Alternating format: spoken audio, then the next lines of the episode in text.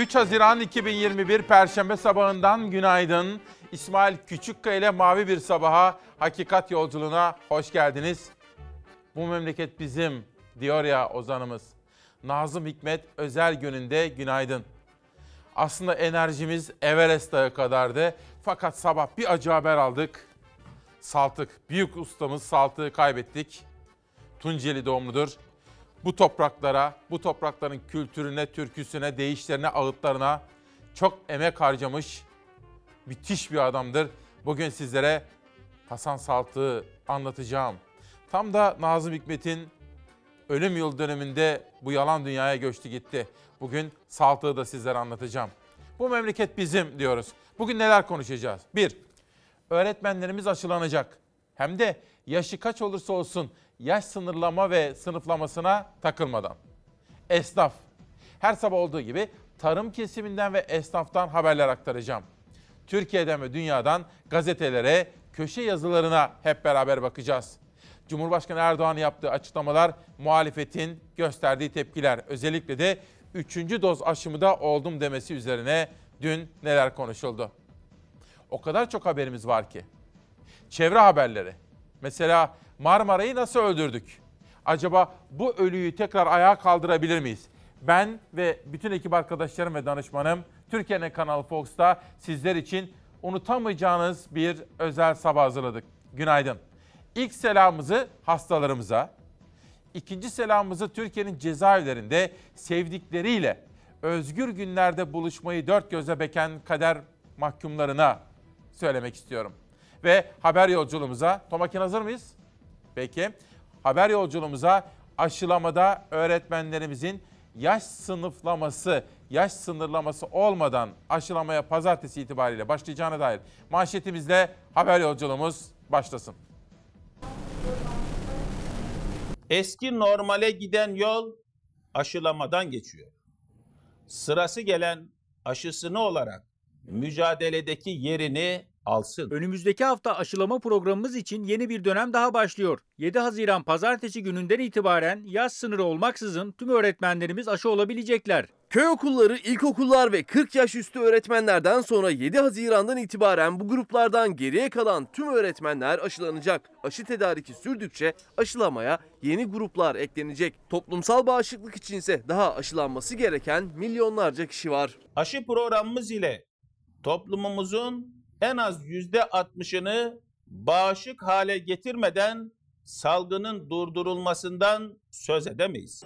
Bir yanda yeni normalleşme süreci, diğer yanda gelen Alman aşılarıyla aşılama çalışmaları sürüyor. 1 Haziran itibariyle 50 yaş üzeri vatandaşlar aşılanmaya başlandı. Hedef Haziran ayında 20 yaş üzeri herkesi aşılamak, rahat bir yaz geçirmek. Maskelerin yüzümüzü terlettiği son yaz bu yaz olacak.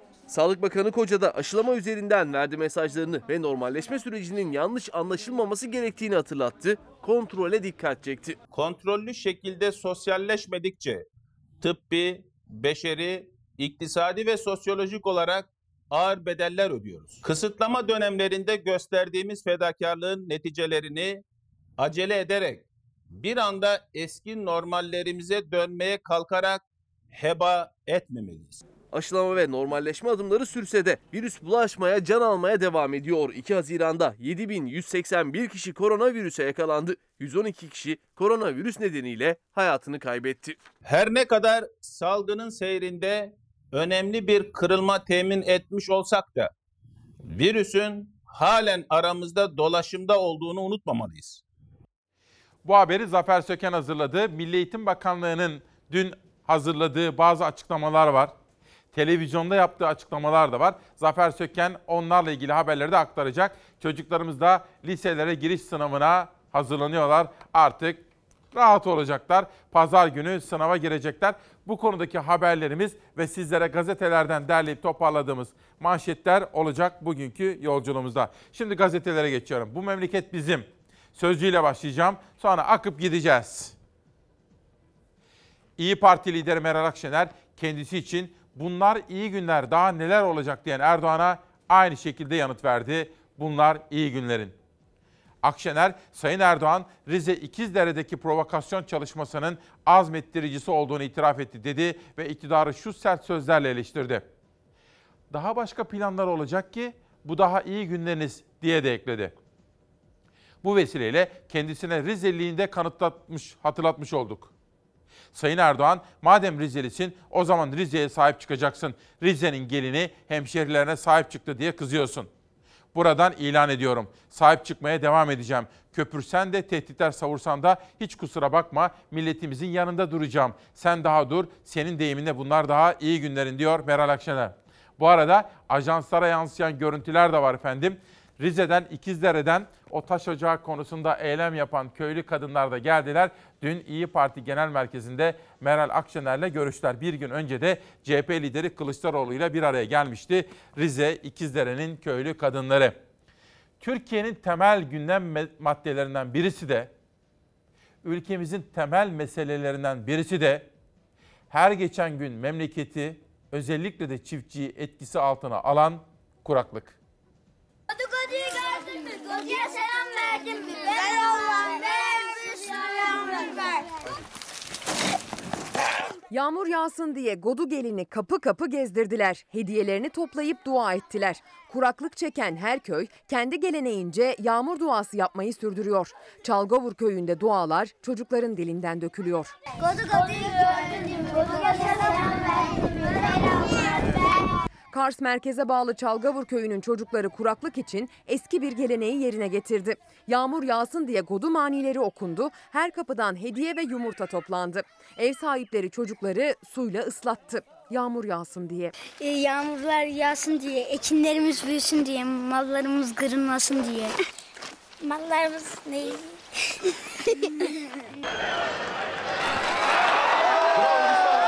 Denizli'de ise her yıl yapılan 8 asırlık sudan koyun atlatma geleneği önce pandemiye sonra kuraklığa yenildi. Geçen senede pandemi sebeplerinden dolayı yapamadık. Bu senede kuraklıklardan dolayı olmayacak gibi duruyor ama eğer su olursa bu geleneksel yarışmayı devam ettirmeyi düşünüyoruz. Su olursa yine çobanıyla sürüsüyle asırlardır süren yarışma geleneğini sürdürmek istiyorlar. Ama su yok. Denizli'nin Çal ilçesindeki sudan koyun atlatma geleneği UNESCO'nun somut olmayan kültürel miras listesinde. Ancak kuraklık nedeniyle kurumaya yüz tutan Menderes'te su kalmadığı için koyunları atlatacak su bulamıyor köylü. Bilinçsiz sulama nedeniyle tekrar söylüyorum yağışlar olmadığı için büyük menderesimiz kurumak üzere. Büyük ve Küçük Menderes'te durum vahim. Kuraklığın vahim seviyelerde seyrettiği Konya'daysa üreticinin dayanacak gücü kalmadı. Öyle söylüyorlar. Konya'da hiçbir zaman çiftçinin baş kaldırdığını gördünüz mü? Vatandaş bitti. Şurada. Yine söylüyorum. Şu vatandaşın yüzde 99'u bankalara borçlu. Harman geldi. Kim ödeyecek bu borçları? Konyalı çiftçiler tarım arazilerine su verilmediği gerekçesiyle Konya-Adana yolunu traktörleriyle trafiğe kapattı. Köylülerin eylemi için Karatay Kaymakamı geldi, köylüleri dinledi ama tansiyon düşmedi. Bölgenin güvenlik güçleri de köylüyü ikna etmekte zorlandı. Bu ova şimdi ne yapmış bizim Konya milleti? Gelsin buraya işine. Ya gelsin. Gelsin buraya. Sen bu kadar gelin yorma komutanım ya. Sen kendin Seni severiz. Bak. Karagöz'ün komutanı. Yorma kendini. Neymiş efendim 15 santim o Beyşehir'ine su düşecek diyerekten Ova köyüne su vermiyorlar mı? Ya 15 15 bin küp metre su ya su. Bu düşse ne olacak düşmese ne olacak? Ovakava, Sakyatan, Hayıroğlu, Karakaya, Göçü, Yarma, Şatır ve Bakırtolu köylüleri Beyşehir Gölü'nün suyunu sulama için kullanmak istiyor. Eğer vali bey bu vatandaşa söz verirse tamam sizin suyunuzu ben açtıracağım diye söz verirse Bir telefondan gelecek susuz cumhurada 10 duruyor. dakikada boşalır. Henüz yaz yeni başlamışken kuraklık sorunu da yaşattığı sonuçlar da günden güne derinleşiyor. Bu haberi de bundan sonra izleyeceğiniz Düden Şelalesi başta olmak üzere, Tokat Zile olmak üzere çevre kuraklık haberlerini hatta Bursa'dan, Samsun'dan dün sel görüntüleri geldi. Onları da Ezgi Gözeger takip etti, etmekte efendim. Haberleri izleyeceksiniz. Bugün işte Elif Ergu Demiral ve başka pek çok meslektaşım da Ezgi Mola'ya destek veriyorlar. Onu anlatacağım sizlere. Ayrıca İzzet Çapa gibi, Arman Çağlayan gibi, meslektaşlarım İsmail Saymaz gibi, Candaş Tolga gibi, Cengiz Özdemir gibi, Cüneyt Özdemir gibi pek çok meslektaşım da Hasan Saltık'ı rahmetle anıyor efendim. Müzik dünyasının duayeni, kalan müziğin sahibi Hasan Saltık vefat etti. Çok sevilen, çok sayılan, ömrünü Anadolu müziği ve kültürüne adayan bir gönül ehliydi. Hasan Saltık her sabah bizi de izleyen ve burada türküler, deyişler, ağıtlar dinlettiğimiz zaman sizlere bize de teşekkür mesajları gönderen bir isimdi. Ve Anadolu kültürünü, Anadolu müziğini, ağıtları, deyişleri, türküleri arşivleyen, unutulmasın diye çok çalışan, ömrünü adamış bir insandı efendim. Tunceli doğumludur, bir memleket sevdalısı, bir türkü sevdalısıydı. Bugün memlekete Hasan Saldık'ı tanıtacağız. Sözden bir haber daha sonra hürriyet. Bu başkan da dinlemedi. Cumhurbaşkanı faizin inmesini istiyor. Merkez Bankası başkanları piyasa yüzünden yapamıyor. Erdoğan faizleri düşürmek şart dedi. Dolar 8.77'ye çıktı. Merkez Bankası Başkanı Kavcıoğlu faizler inmez mesajı verdi. Dolar 8.60'a düştü diyor. Bugün ekonomiye dair bu haberleri de sizlerle paylaşacağız. Geçelim Hürriyet'e. Hürriyet'te bir çevre haberi var. 3 gündür ve bütün 8 yıldır gündeme getirmeye çalıştığımız çevre sorunları. Türkiye farkında mı bilmiyorum ama Marmara artık bir ölü deniz. Marmara'yı kuşatan müsilaj yerinde inceleyen bilim adamları müsilajı Türkiye denizlerinde daha önce görülmemiş büyük bir felaketin yaşandığını söyledi. Marmara ölü deniz haline geldi. Çok az vakit var. Doktor Erol Kesici ile Profesör Mustafa Sarı ile Doçent Mustafa Yücel ile Doçent Muharrem Balcı ile konuşmuşlar. Cemal Saydam hocamız da biliyorsunuz çok net konuşmuştu. Yılların ihmalleri. Çok uzun yıllardır ihmal ettik ve kirlettik. Marmara'yı öldürdük efendim. Marmara'yı öldürdük. Peki başka yerlerde sorun yok mu? Mesela mesela Düden Şelalesi. Suda bir kirlenme var Ee, ve görmüş olduğunuz gibi arkamda da e, çok büyük bir köpüklenme var. Yüzeyindeki köpüklenme ve etrafa yaydığı koku endişe yarattı. Düden Şelalesi'nin Akdeniz'le buluştuğu Lara'da akan su ve yüzeye bıraktığı kirlilik yeniden arttı. 9 yıldır burada yaşıyorum. İstanbul'dan geldim.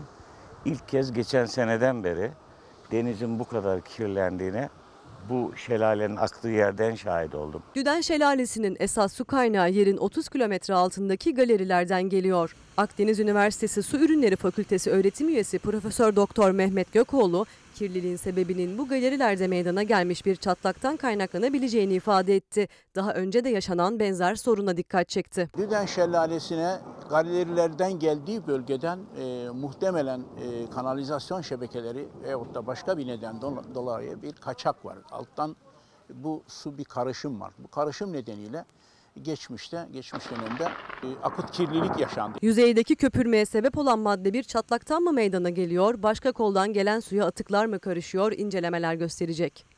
Köpürme bir yüzey aktif maddesinin olduğunu yani e, deterjansı bir şeyin olduğunun göstergeleri. Bir deterjan karışımı var herhalde. Bilemiyoruz yani nereden bu karışımın kaynaklandığını. E, daha önce biz girdik biliyorsunuz Diden Şelalesi'nin altındaki o galerilere girdik. Bir toparlanma, bir e, kendini yenileme bir vardı. Onu gördük. E, ancak şu durumu, son durumu bilmiyorum. Çevre haberlerine devam edeceğiz efendim. Bunun dışında özel haberlerimiz var. Ankara kulislerinden derleyip toparladığımız. Bir de Türkiye ile Amerika arasında ilişkiler nasıl normalleşecek? Erdoğan'la Joe Biden görüşecek. Bu konuda haberlerimiz var biraz sonra. İş adamları, iki ülkenin karşılıklı iş adamları dün önemli bir toplantıya ev sahipliği yaptı. Mehmet Ali Yalçındağ'la da konuştum. Burada tam da Erdoğan'la Biden'ın görüşmesinden önce neler yapılıyor? O konudaki haberleri de sizlere aktaracağım efendim. Bunun dışında günün köşe yazılarına baktığım zaman Türk basının deneyimli ismi Yalçın Bayar deniz salyasından nasıl kurtuluruz diye bir yazı kaleme almış. Trakya Platformu Yürütme Kurulu üyesi Murat Sevgi ile konuşmuşlar. Müsilaj sorunu Türkiye'nin temel gündem maddelerinden birisi oldu. Bunun dışında kültür sanat haberlerimiz de var bolca. Mesela Şangay Film Festivali'nde kısa listeye kalan büyük ödülü ka- kazanmasına büyük şans tanınan bir Türk genç yönetmenle ilgili haberlerin de olacak sizlere. Ve geçelim pencereye. Bir de Fox'un aldığı güzel bir ödül var. Yayın yönetmenimiz Doğan Şentürk o ödülü aldı. Sizlere, sizlerle birlikte paylaşarak o haklı sevinç ve gururumuzu haber vereceğim. Erdoğan sebep, yüksek faiz ve enflasyon sonuç diyor Babacan. Deva Partisi Genel Başkanı Ali Babacan, Ankara Gölbaşı İlçe Başkanlığı bina açılışına katılarak açıklamalarda bulundu. Cumhurbaşkanı Erdoğan'ın TRT yayınına çıkmasıyla ilgili de değerlendirmelerde bulunan Babacan, kendisi TRT'ye çıkan tek genel başkan. Bu TRT devletin, milletin değil mi? Bu milletin kanalı tek partinin propaganda aracı gibi çalışıyor. Bu adalet değil dedi. Erdoğan'ın yüksek faize ilişkin sözlerini eleştiren Babacan şunları kaydetti. Erdoğan konuşuyor, döviz artıyor. Madem yüksek faize karşısınız neden şu an faizler %19? Hemen talimat verilsin, faizler indirilsin. Erdoğan faiz sebep, enflasyon sonuç diyor. Neden indirilmiyor faiz? Bu tez yanlış. Ben doğru tezi söyleyeyim. Erdoğan sebep, yüksek faiz ve enflasyon sonuç diyor Deva Partisi lideri Ali Babacan yaptığı açıklamalarda efendim. Şöyle bir dışarıya bakalım. Günaydın Türkiye'm. 3 Haziran'da İsmail Küçükkaya ile bu memleket bizim etiketi altında konuştuğumuz memleket meselelerinde sıra geldi. Bugünün hava durumu raporuna.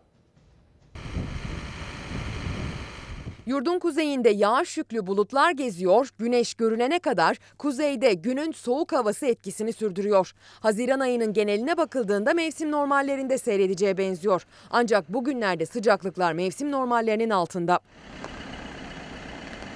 Kuvvetli yağış ihtimali bugünlük geride kaldı. Bugün Marmara bölgesinin doğu illeri ve Karadeniz bölgesinin geneli yağmurlu. Yağmurların aralıklı olarak etkili olması bekleniyor. Marmara bölgesinde İstanbul ve doğusunda kalan illerde gün genellikle kapalı bir gökyüzüyle geçecek. Bulutlar kısa aralıklarla güneşin görülmesine izin verebilir. İstanbul'da aralıklı yağmurların kısa molalarında güneş görülebilir. Trakya'da ise günün ilerleyen saatlerinde hava kademe kademe bulutlanacak. Trakya'da gökyüzü zaman zaman tamamen kapatacak bugün. Sıcaklıklarsa normallerin altında seyretmeye devam ediyor. Özellikle güneşin ılık etkisinden uzak Marmara ve Karadeniz'de Haziran koşullarından çok uzak sıcaklık değerleri var. Yurdun kalan kesimlerinde de normallerin altında termometre değerleri ölçülüyor. Ancak gün içinde kendini gösteren güneş ılık hissettirebiliyor. Yurdun en güney hattındaysa gün ortasında birkaç saat yaz, kalan zamanlarda bahar yaşanıyor adeta. Perşembeden cumaya meteorolojik koşullarda önemli bir değişim beklenmiyor. Cuma günü de sıcaklıklar benzer aralıklarda seyredecek. Yağışlı hava yurdun kuzeyi ile İç Ege ve Göller yöresi çevrelerinde etkili olacak. Cuma Marmara bölgesinin yine doğusu yağışlı. İstanbul'da cuma günü yağış ihtimali bugüne göre daha düşük olacak. Megakent cuma öğle saatleri itibariyle güneşli gökyüzüne kavuşacak. Hissedilen sıcaklıklar artacak. Karadeniz'de hava gün boyunca aralıklarla yağışlı cuma. İç Anadolu bölgesinde ise hava zaman zaman kapalı. Akdeniz bölgesinin batı kesimlerinde ise yağış geçişleri bekleniyor. Batı Akdeniz'in iç kesimlerindeki yağışların geçiş şeklinde olma ihtimali var. Hafta sonu da yurdun kuzey hattında Marmara'da ve Karadeniz'de yağışlı hava etkili olacak. Sıcaklıklarda 1-2 derecenin ötesinde değişim beklenmiyor. Hafta sonu yurt genelinde sıcaklıklar yine normallerin altında kalacağı benziyor. Yalnızca yurdun en güney hattında hakkınca bir haziran yaşanıyor. Kalan kesimlerde hava güneş görüldüğü zaman ılık hissediliyor. Hemen hemen yurdun tamamında kuzeyden esen orta kuvvetteki rüzgar da havayı serin hissettiriyor. Bu sabah bu haber yolculuğumuz içerisinde Soma'nın, hak arayan Somalı'nın da yanında olacağız. Çalar Saat gazetemizde Somalı madenciler ve onların yakınlarının hak arama mücadelesi olacak. Çünkü bizim İsmail Küçükkaya ile Çalar Saat ailesi olarak temel felsefemiz hak arama mücadelesi yapanın yanında olmaktır. Çünkü hak, hukuk, adalet temel şiarımızdır. Hak yoksa, hukuk yoksa, adalet yoksa yaşamamızın da anlamı yoktur diyoruz. Cumhuriyet'ten bir manşet. İttifakta Elitaş krizi. Hakimler Savcılar Kurulu seçiminde muhalefetle uzlaşması Cumhur'u rahatsız etti. Mecliste söz verilmedi. Türkiye Büyük Millet Meclisi'ndeki seçimlerde İyi Parti'nin HSK'ya iki üye sokması ittifakta sorgulanırken bu sonucun yaşanmasına AKP Grup Başkan Vekili Mustafa Elitaş'ın muhalefet ile diyaloğunun neden olduğu belirtiliyor. AKP kulislerinde Elitaş'ın hamle hatası yaptığı AKP grubunda rol kapmaya çalıştığına dikkat çekiliyor.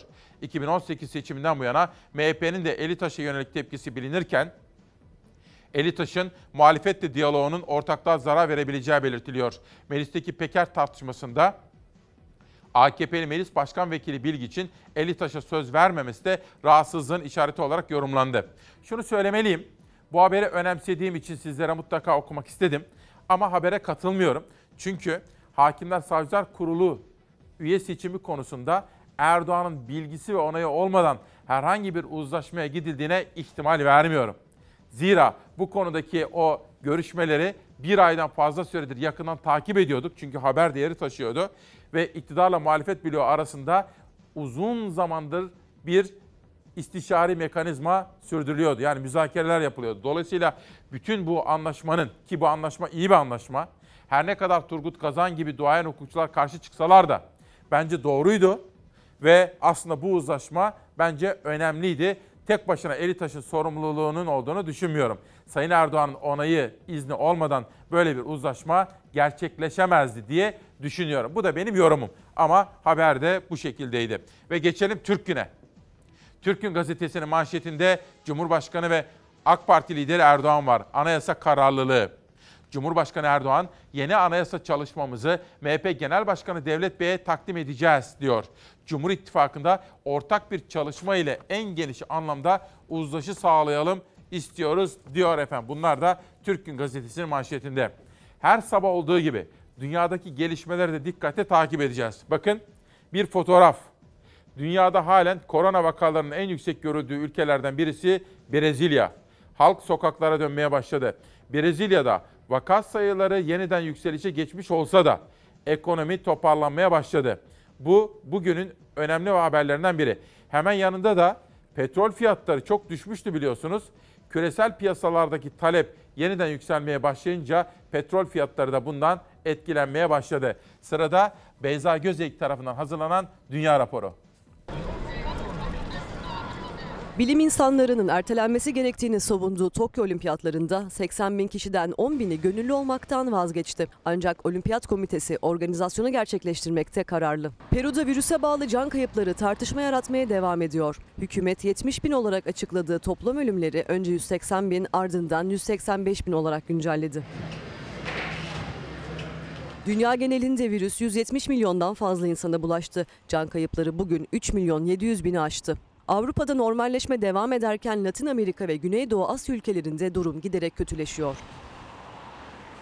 Brezilya'da bir günde 100 bin yeni vaka kaydedildi. Bugüne kadar virüsü görmezden gelen, sıkı tedbirler almayan devlet başkanı Bolsonaro ise umursamaz tavırlarına devam ediyor. Bolsonaro, Güney Amerika Futbol Şampiyonası Copa Amerika'nın Brezilya'da gerçekleşeceğini duyurdu. Kolombiya ya da Arjantin'de düzenlenmesi beklenen turnuvanın Brezilya'da yapılacak olması büyük tepkilere yol açtı. Muhalefet, Copa Amerika için futbol değil, ölüm şampiyonası dedi.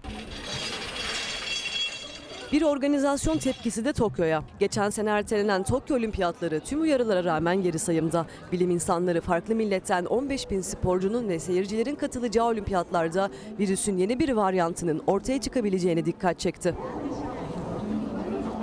Olimpiyatlarda gönüllü olan 80 bin kişiden 10 bini gönüllü olmaktan vazgeçti. Ancak komite kararlı. Tokyo Olimpiyatlarının 24 Temmuz'da başlaması öngörülüyor. İsviçre kırmızı listeye alarak seyahat kuralları getirdiği ülkeler listesini güncelledi. Türkiye ile birlikte İtalya, Hırvatistan, İran, Lüksemburg ve Güney Kıbrıs güvenilir ülkeler arasına girdi. İsviçre güvenilir listesine eklediği ülkelerden gelenlere karantina uygulamayacak. Peru'da hükümet can kayıplarına her gün güncelleme getiriyor. Salgında toplam can kaybı 70 bin olarak kaydedilmişti. Ancak bir günde gerçekleşen ölümler o kadar fazlaydı ki tepkiler çığ gibi büyüdü. Virüse bağlı ölümler önce 180 bin sonra 185 bin olarak revize edildi. Peru nüfusu oranla en fazla can kaybının yaşandığı Latin Amerika ülkesi oldu. 3 Haziran sabahında işte böylesine dolu bir gün ve gündem bizi beklemekte. Bu memleket bizim. Büyük ozanımız Nazım Hikmet'i andığımız özel bir yayınla karşınızdayız efendim. Ve gazete manşetlerine Türk günden bir güne geçerek devam ediyorum. Konuştukça ülke batıyor. Erdoğan'ın canlı yayındaki faiz açıklamasının faturası dolar tüm zamanların rekorunu kırdı. Dış borç arttı, daha fazla yoksullaştık. AKP'li Cumhurbaşkanı Erdoğan'ın TRT'deki yayında Merkez Bankası Başkanı Kavcıoğlu'na faizin düşürülmesinin şart olduğunu söylediğini açıklaması döviz kurunu fırlattı. Önceki gün 8.53 TL'den kapanan dolar TL kuru Erdoğan'ın sözleri sonrası 8.81 liraya çıkarak tüm zamanların en yüksek seviyesini gördü.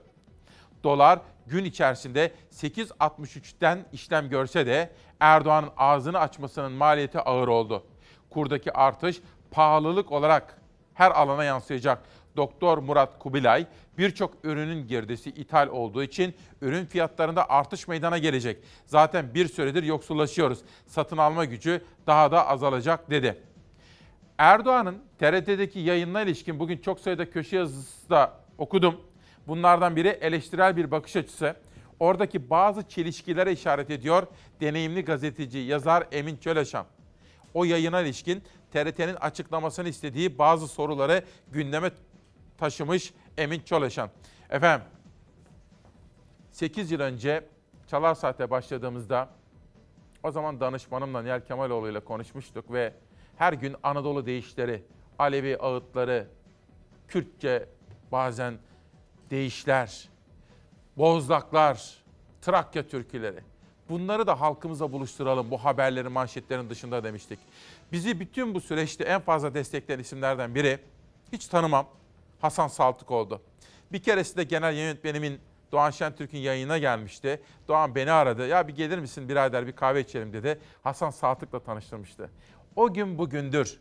8 yıldır biz buna devam ederken her zaman aklımdadır. Hasan Saltık da bizi izliyor ve Anadolu coğrafyasını böyle gürül gürül akan türküleri, deyişleri, ağıtları, bütün coğrafyamızın bu bizde bir bilinç ve sor, farkındalık yaratmıştı. Ve bugün genç yaşında kaybettik onu kalp krizinden. Hasan Saltık hayatını kaybetti. Meslektaşım İsmail Saymaz, Cüneyt Özdemir, Armağan Çağlayan, kültür dünyamızın İstanbul'da çok tanınan ismi Görgün Taner, Türkiye bir müzik arkeoloğunu, çok değerli bir kültür insanı kaybetti. Hasan Saltık çok büyük bir kayıp, çok çok üzüldüm dedi. Efendim kendisi Tunceli doğumlu. Bu Türkiye'ye o kadar aşık bir insandı ki ne kadar üzüldüm, ne kadar üzüldüm anlatamam.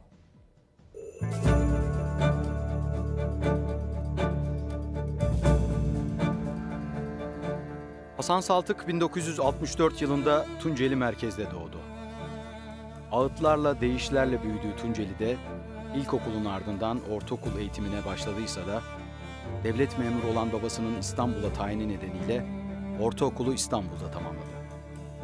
Ailesinin ondaki müzik yeteneğini keşfetmesiyle İstanbul Devlet Konservatuarı sınavlarında başarılı olarak oboa eğitimi almaya hak kazandı. Ekonomik zorlukları nedeniyle konservatuar eğitimini yarım bırakarak Suadiye Lisesi'ne devam etti. Askerliğini yaptıktan sonra amcasının oğlu müzisyen Rahmi Saltuğ'un plak şirketinde çalışmaya başladı. Bu sayede dönemin müzik piyasasının kalbi sayılan Unkapanı'ndaki manifaturacılar çarşısına adımını atan Hasan Saltık, ulusal ve uluslararası arşivlerde unutulmuş yörelerin müzik örneklerini içeren albümler yayınladı. Pomak göçmenlerinden Tahtacı Türkmenlerine, Saadettin Kaynak'tan Münir Nurettin Selçuk'a, Neşet Ertaş'tan Neyzen Tevfi'ye, Malatyalı Fahri'den Aşık Vesel'e uzanan geniş bir arşiv malzemesini müzikseverlerin beğenisine sunmuştur. Hasan Saltık bir müzik arkeoloğu gibi çalışarak ülkemizin zengin kültür potansiyelini ortaya çıkarıp yüzlerce projeyle Anadolu kültür mirasının dünyaya açılmasına prestijli arşiv ve kütüphanelerinde dinleyicilerle ve akademisyenlerle buluşmasına imkan sağladı. Kalan Müzik markası adı altında yayınladığı albümler dünyanın her köşesindeki müzik marketlerin vitrinlerinde yer aldı. Hasan Saltık nasıl dünyayı evi gibi bildiyse dünyada onu duygularını zenginleştiren bir Adem olarak tanıdı. Liberasyon dergisi Hasan Saltık olmasaydı Anadolu sessiz kalırdı diye yazdı. BBC, Türkiye müziğinin zenginliğini ondan öğrendik dedi. New York Times'a göre o, Anadolu'daki fısıltıya dönüşmüş sesleri toplayıp bunlardan armonik bir gök gürültüsü çıkaran adamdı. Time dergisine göre Türkiye'nin müzik antropoloğuydu. Hasan Saltık artık Avrupa'nın kahramanlarından biriydi. Hollanda kraliyet ailesi de bu sebepten bu kahramanlığı Prins Klaus nişanıyla ödüllendirdi.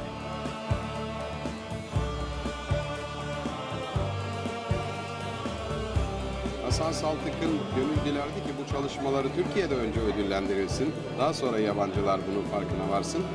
Hasan Türkiye'nin ses tarihini çizdi bu plaklarıyla. Bugün ve bundan sonra en önemli vazifelerimizden biri Hasan Saltık'ı tanıtmak, onun bize bıraktığı, ondan bize kalanları Türkiye'ye, halkımıza anlatmaktır. Bugün Gülis Savaşı kızımızı ziyaret edeceğim. Hafta sonunda liselere giriş sınavı var. Ve artık çalışmalar bitti, bitmiş olması lazım bugün. Bu Hürriyet'teki yazıyı ona götüreceğim. LGS sınavına girecek çocuklarımızla ilgili haberler hazırladık. Biraz sonra anlatacağız. Artık çocuklarımız rahat olsunlar. Hatta Turgay Polat hocamı arayacağım akşam. Gülizce'de görüştüreceğim. Ve onları da yani uzmanlar neler söylüyor? Liselere giriş sınavına girecek çocuklarımızla ilgili artık son 3 gün rahat olsunlar diyoruz. Bu arada sizlere söylemiştim. Selçuk Pehlivanoğlu, Türk Eğitim Derneği'nin başkanı. Bu kitabın yazıldığını bir yıl önceden biliyordum. Seçim kurtarmak mı, nesil kurtarmak mı? Biliyorsunuz siyasetçiler seçim kurtarmaya çalışır. Devlet adamları nesil kurtarmaya çalışır. Bu kitabı okuyacağım bu sabah elime geçti. Ama bravo Selçuk Pehlivanoğlu'na. Sevgili annem Cumhur Pehlivanoğlu ve babam Şadi Pehlivanoğlu'na adamış efendim kendisi. Reklam molasından sonra haber yolculuğumuz devam edecek. Etiketimizi hatırlatıyorum. Nazım Hikmet'i saygıyla, özlemle andığımız bu özel yayında etiketimiz bu memleket bizim. 3 Haziran 2021 Perşembe sabahından günaydın. İsmail Küçükkaya ile Hakikat Yolculuğuna hoş geldiniz efendim. Bu memleket bizim dediğimiz Nazım özel yayınında Nazım Hikmet'i anacağımız bir özel buluşmada birlikteyiz. Hasan Saltık bu ülkenin en değerli kültür insanlarından biriydi. Türkümüze, deyişlerimize, ağıtlarımıza çok emek harcamıştı. Kaderin cilvesine bakın ki Nazım Hikmet'in ölüm yıl döneminde Hasan Saltık'ı kaybettik efendim. Bugün sizlere Hasan Saltık'ı da anlatacağım. Önce çok önemli haberler, manşetler var. Sonra duygu dünyanıza da sesleneceğim. Yönetmenim Tomakin'den rica ediyorum. Gazetelere başlıyorum. Bu kez Karar Gazetesi ve Ekonomi manşeti. Merkeze telefon depremi. Cumhurbaşkanının Merkez Bankası Başkanımızla görüştüm. Faizi düşürmemiz şart sözleri piyasaları sarstı. Kur yarım saat içinde 30 kuruş arttı. Dolar tarihi rekor kırdı. 83 milyonun cebini eriten görünümle hatada ısrar yaklaşımı teyit edildi. Ekonomistler de Merkez Bankası'nın bağımsızlığına ilişkin olumsuz algıyı güçlendiren yaklaşıma dikkat çekti. Bu konuşma bilerek yapılıyorsa büyük olay, bilmeden yapılıyorsa vahim. Ki uzun yıllar ekonomi yönetiminin başında bulunmuş Ali Babacan, şimdi Deva Partisi'nin lideri merkeze kendini atasın, faizi indirsin diyerek Cumhurbaşkanı Erdoğan'ın söz ve yaklaşımlarına tepkisini ifade ediyor. Diyor ki Babacan, daha cümlesi tamamlanmadan Türk lirası değer kaybetmeye başladı. Erdoğan getir götür atamalarla hiç uğraşmasın, Merkez Bankası'na kendini atasın, faizi indirsin dedi. Bu arada piyasaların ve vatandaşların yakından beklediği bir başka önemli gelişme daha var. Ekonomiye dair borç yapılandırmasına ilişkin bir önemli gelişme. Oy sayısı 285, kabul 277, çekimser 8. Teklif kabul edilmiş ve kanunlaşmıştır. Vergi, harç, SGK, prim borçları ve cezaların yeniden yapılandırılması teklifi kabul edildi. Borçlarını yapılandırmak isteyenler Ağustos ayı sonuna kadar ilgili kurumlara başvuracak. Ödemelerine 30 Eylül itibariyle başlayacak. Hayırlı ve uğurlu olmasını temenni ediyorum. Pandemi nedeniyle geliri azalan, geçim sıkıntısı yaşayan milyonlarca kişiyi ilgilendiren kamu alacaklarına ilişkin düzenleme meclise geldi. O düzenlemede esnafın beklediği sicil affı da yer aldı. Kabul edilen düzenlemeye göre karşılıksız çek, protesto edilmiş senet, kredi kartı ve diğer kredi borçlarını zamanında ödeyemeyenler borçlarını öderlerse haklarındaki olumsuz kayıtları dikkate alınmayacak.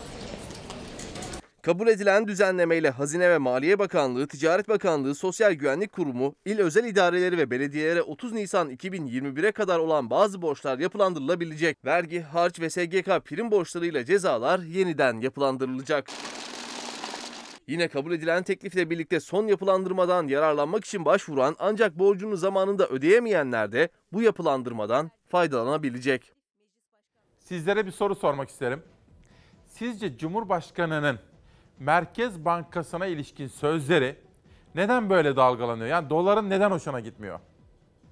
Piyasalar neden hoşlanmıyor bundan? Neden sizce? Ya da şöyle sorayım. Merkez Bankası başkanlarını siyasi otoritenin zorlaması, mesaj vermesi, hatta görevden alması piyasaların neden hoşuna gitmiyor? Bunu konuşalım biraz olur mu? Yani neden Cumhurbaşkanı konuşunca dolar böyle almış başını gidiyor? Piyasalar neden böyle dalgalanıyor? Bu önemli bir sorudur. Biraz sonra sizlerle sohbet etmek istiyorum bu konuda. Dünya. Faiz hattında iki zıt söylem kafa karıştırdı.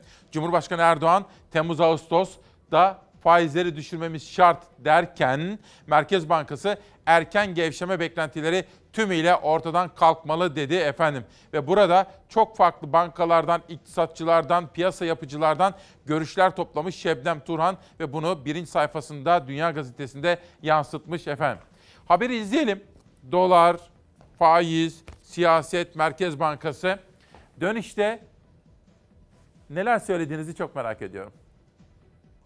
Bugün de Merkez Bankası Başkanımızla görüştüm. Yani bizim bir defa faizleri düşürmemiz şart. Anında Erdoğan konuşuyor, dolar artıyor. Tablo bu. Dün akşamın maliyeti konuşmaya başladığında 8.49-8.50 dolar kuru. İfadelerden sonra 8.62'ye tırmandı. 76 milyar TL Türkiye Cumhuriyeti zarara uğramış oluyor. Bir günlük maliyet. Cumhurbaşkanı Erdoğan bir cümle kurdu. Faiz indirimi için Merkez Bankası Başkanı ile konuştum dedi. Dolar rekor üstüne rekor kırdı. Uluslararası piyasalarda kur 8,80'i aştı. Tüm zamanların en yüksek düzeyini gördü. Temmuz, Ağustos buraları bulacağız ki faiz düşmeye başlasın. Çünkü faiz yükünü biz yatırımların maliyetlerin üzerinden kaldırırsak maliyet enflasyonunu tetikleyen faiz olduğu için orada da bir rahatlama dönemine inşallah girmiş olacağız. Erdoğan sebep, yüksek faiz, yüksek enflasyon sonuç. Kendiniz Merkez Bankası Başkanı olun. Hemen indirin. Niye yapmıyorsunuz? İnsan artık şüphe etmeye başlıyor. Bu dolarların yükselmesinden biri kar ediyor da Cumhurbaşkanı kritik vakitlerde o karı artırmak için mi yapıyor? Nedir bu yani? Nedir milletin bu çilesi?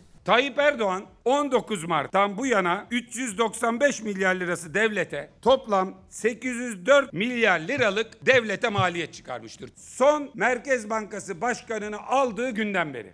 Erdoğan TRT'de canlı yayında Merkez Bankası Başkanı ile konuştuğunu açıkladı. Dövizin yükselişi de an be an yine aynı ekranda değişti. İlk cümleyi kurduğu anda dolar kuru 8.50 idi. Aradan sadece yarım saat geçtikten sonra programın kapanışında kur artık 8.71'e kadar çıktı. Bunların kafası basmaz. Ben ekonomistim. E iktisatçıysan durum belli. Ülkenin ekonomisinin düştüğü durum belli. Bilmiyor. Bilmiyorsan bilene sor. Dolar 8.50 ve üstü seviyeleri geçen yıl Kasım ayında görmüştü. Naci Ağbal Merkez Bankası Başkanlığına getirildi. Berat Albayrak istifa etti. Dolar kuru 8.50 idi. Ağbal'ın görev süresi boyunca faiz artışları oldu. Dolar düşüşe geçti. Naci Ağbal'ın görevden alındığı 19 Mart 2021'de kur 7.20'lere kadar gerilemişti. Merkez Bankası'nda koltuk değişti. 2 ayda dolar yeniden 8'lerin üzerini gördü. 1 Haziran gecesi Erdoğan'ın konuşması sonrası ise 8.78'de zirve yaptı. Sayın Cumhurbaşkanı konuşmamış olsaydı bugün dolar bu seviyede olmayacaktı. Tartışmaların gölgesinde Merkez Bankası Başkanı Şahap Kavcıoğlu yabancı yatırımcılarla görüştü.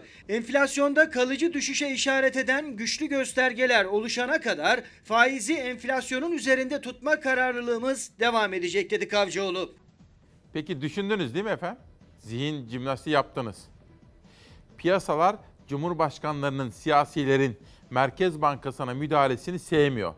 Bu doların da hoşuna gitmiyor. Neden? Çünkü efendim siyasiler bilmeyebilirler ekonomiyi, iktisatı. Olabilir. Ya da bilseler bile siyasi bir takım sayıklarla, hedeflerle hareket edebilirler. Oysa dünyanın her yerinde merkez bankalarının bağımsız politika belirlemesi gerekir. Neden? Piyasanın kurallarına göre.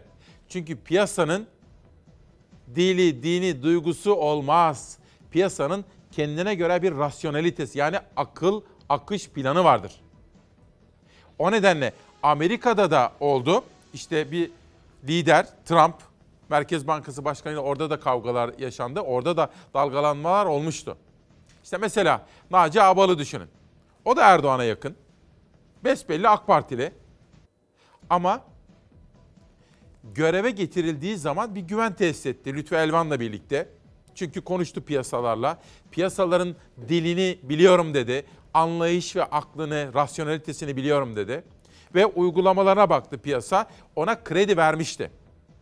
Yine AK Partili Erdoğan'a çok yakın bir isim. Ama piyasaların güvenini kazanmıştı. Ne oldu?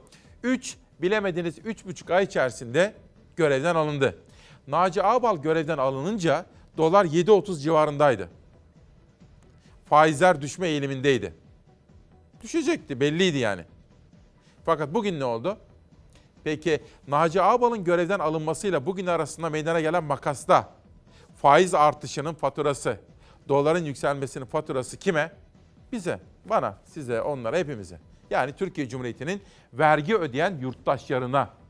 Bu kadar net efendim. Aslında uzun uzun böyle böyle kitaplar okumaya gerek yok. Özetini yapmaya gayret ettim sizlere. Dünya. Bir başka detay. Erdoğan ve Biden'a ortak mektup. Tabii Mehmet Ali Yalçın da Amerikalı meslektaşlarıyla, Türkiye'deki iş adamlarıyla, özellikle Amerika ile iş yapan insanlarla yoğun bir mesai yapıyor. Çünkü Türkiye ile Amerikan ilişkilerinin normalleşmesini istiyorlar.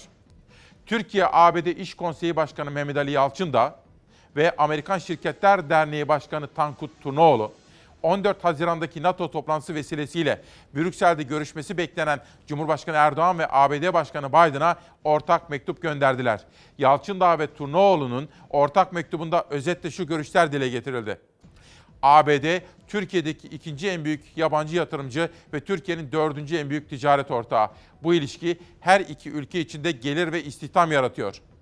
Bu dönemde farklılıklara odaklanmaktansa müttefikleri müttefik olarak tutmanın zamanı olduğuna güçlü bir şekilde inanıyoruz.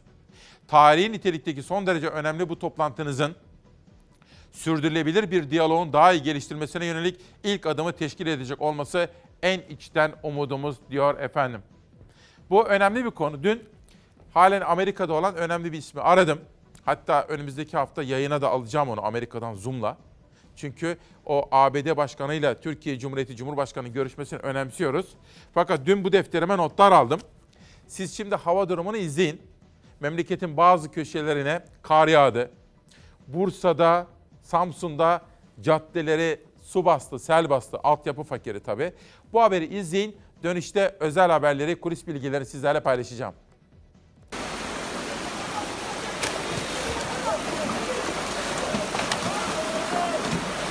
sanki bir 10 dakika daha dursak e, yola devam edemeyeceğimiz kadar şiddetli bir şekilde kar yağıyor. Mevsim normallerinin altındaki sıcaklıklar yurdun kuzeyinde yükseklere kar yağdırdı. Yağmursa pek çok noktada kuvvetli sağanak şeklinde yağdı. Sel suları neredeyse can alıyordu. Motor bir yattı. Motorla beraber ben de yattım. Hemen hemen 100-150 metre e, oraya kadar sürüklendik. Sağ olsun arkadaşlar da yardımcı oldu. Samsunlu Orhan Çiftçi sel sularından kurtarmaya çalıştığı motosikletiyle birlikte suya kapıldı. Motosikletin altında kalan adam suya tamamen battı. Ceketi çıkıp kollarını da bağlayınca yaklaşık 100 metre sürüklendi sel sularıyla çiftçi. Bir arabanın altında sıkışıp kaldı. Etraftakilerin yardımıyla ölümden döndü. Motorla birlikte beraber sürüklenmeye başladı. Allah'tan bir araba vardı. Arabaya işte çarparak amcam motorun altında kalmıştı. Çarparak durdu. Abi buralar fena. Buralar dere gibi oldu buralar. Buralar çok kötü. Karadeniz'de yağışların kuvvetli olması bekleniyordu, şaşırtmadı. Samsun saat 11 sularında kuvvetlenen sağanak yağmurla suya gömüldü. Cadde ve sokaklarda oluşan su baskınları trafiktekilere zor anlar yaşattı. Yaklaşık 40 dakika süren kuvvetli sağanak geçişi zemin ve bodrum katlarda su baskınlarına da neden oldu Samsun'da. Su baskını ve göle dönen yolların görüntüleri Kayseri ve Tokat'tan da geldi. Yer yer diz boyu su birikintileri oluştu yollarda. Kayseri'de yolda mahsur kalan selzedeler iş makineleriyle kurtarıldı. Bursa Mudanya'da da geceden sabaha yağan kuvvetli sağanak yağış sele neden oldu. Trilye suya gömüldü. Gece başladı saat 2'de başladı. Sabaha kadar sürdü ve dere taştığı zaman da bayağı bir sel oldu. Trilye'de dereler taştı, sel, su baskını ve taşkın oluştu. Gemlik ve Mudanya merkezde de su baskınları vardı.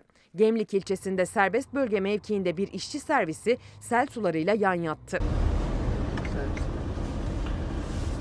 Karadeniz'in yaylalarındaysa kar sürpriz yaptı.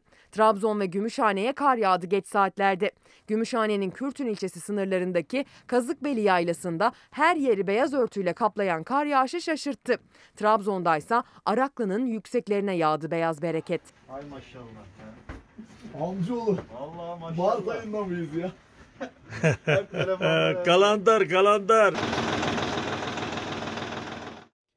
Memleketin hava durumu böyle. Sırada bir eğitim haberi var. İlk kuşakta da bir eğitim manşeti sizlere sunmuştuk. Hatta hatırlayacaksınız Selçuk Pehlivanoğlu'nun yeni çıkan kitabı.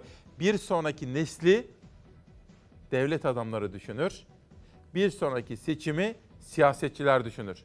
O kitaptan hatırladınız bahsetmiştim. Ha. Dün Amerika'dan, Washington'dan birisiyle konuştum. İsmini şimdi söylemeyeceğim. Ama sürpriz olsun. Önümüzdeki hafta Amerika'dan, Washington'dan Zoom'la yani internet aracılığıyla sizlerle buluşturacağım onu.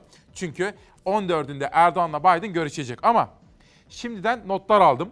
Dedim ki nasıl durum? Amerikalılar şöyle özetliyorlarmış. Türkiye ile Amerika'nın ilişkisini. Dedi ki benim haber kaynağım. Washington'da şu anda izlenimleri var, görüşmeleri var. İki sevgili gibi düşün. Eskiden yoğun ve samimi bir ilişki içindeki iki sevgili. Ama şimdi öyle olmadı. Öyle değil. Fakat biz tamamen ayrılmayalım. Seviyeli bir birlikteliğimiz olsun. Düşman olmayalım, kavga etmeyelim. Eskisi kadar yoğun da olmayalım. Çünkü ne olmuş?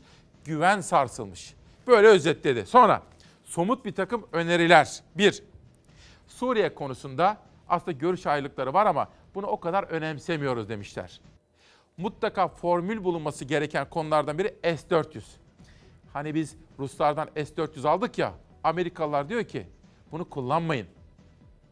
Türkiye'den birileri biz bunu İncirli'ye koyalım. Hem Amerikalılarda denetim olur hem de Türklerde. Böyle bir öneri masadaymış. Ya da Katar'a verelim ya da Azerbaycan'a yükleyelim. Fakat bunlar görüşme masasında gelecekmiş öneri olarak. Bunun dışında ilk defa duydum, bilmiyordum. Amerika Afganistan'dan çekiliyor ya.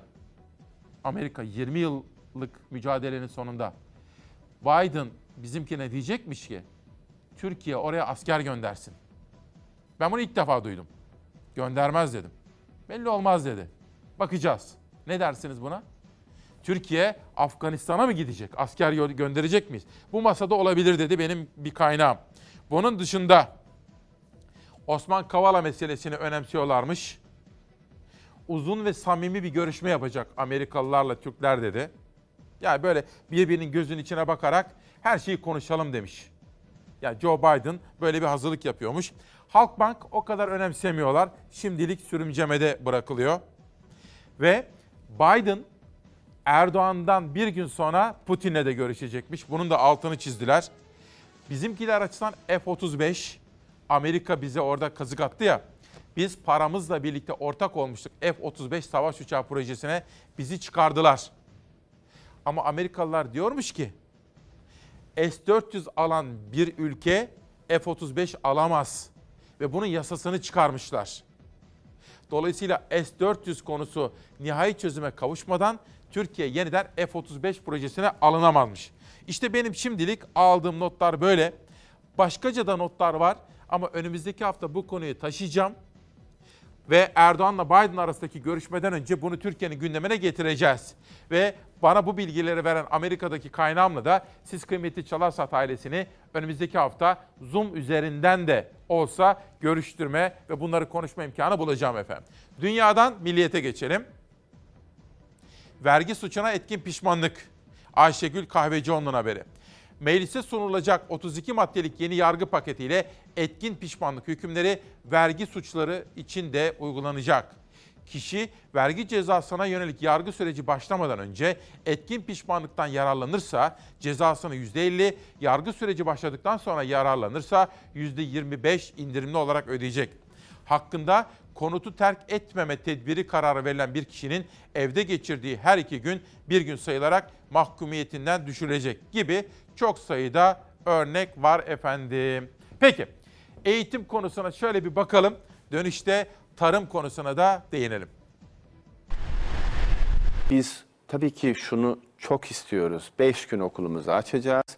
Mümkünse 1 Eylül'de açacağız. Yeni eğitim öğretim yılı için hedefi bu sözlerle açıkladı Milli Eğitim Bakanı. 1 Eylül'den itibaren haftada 5 gün yüz yüze eğitimden bahsetti. Tabii salgının seyrine göre bu kararda değişiklik olabilir diye ekledi. Bu koşullar dünyada neyi getirir?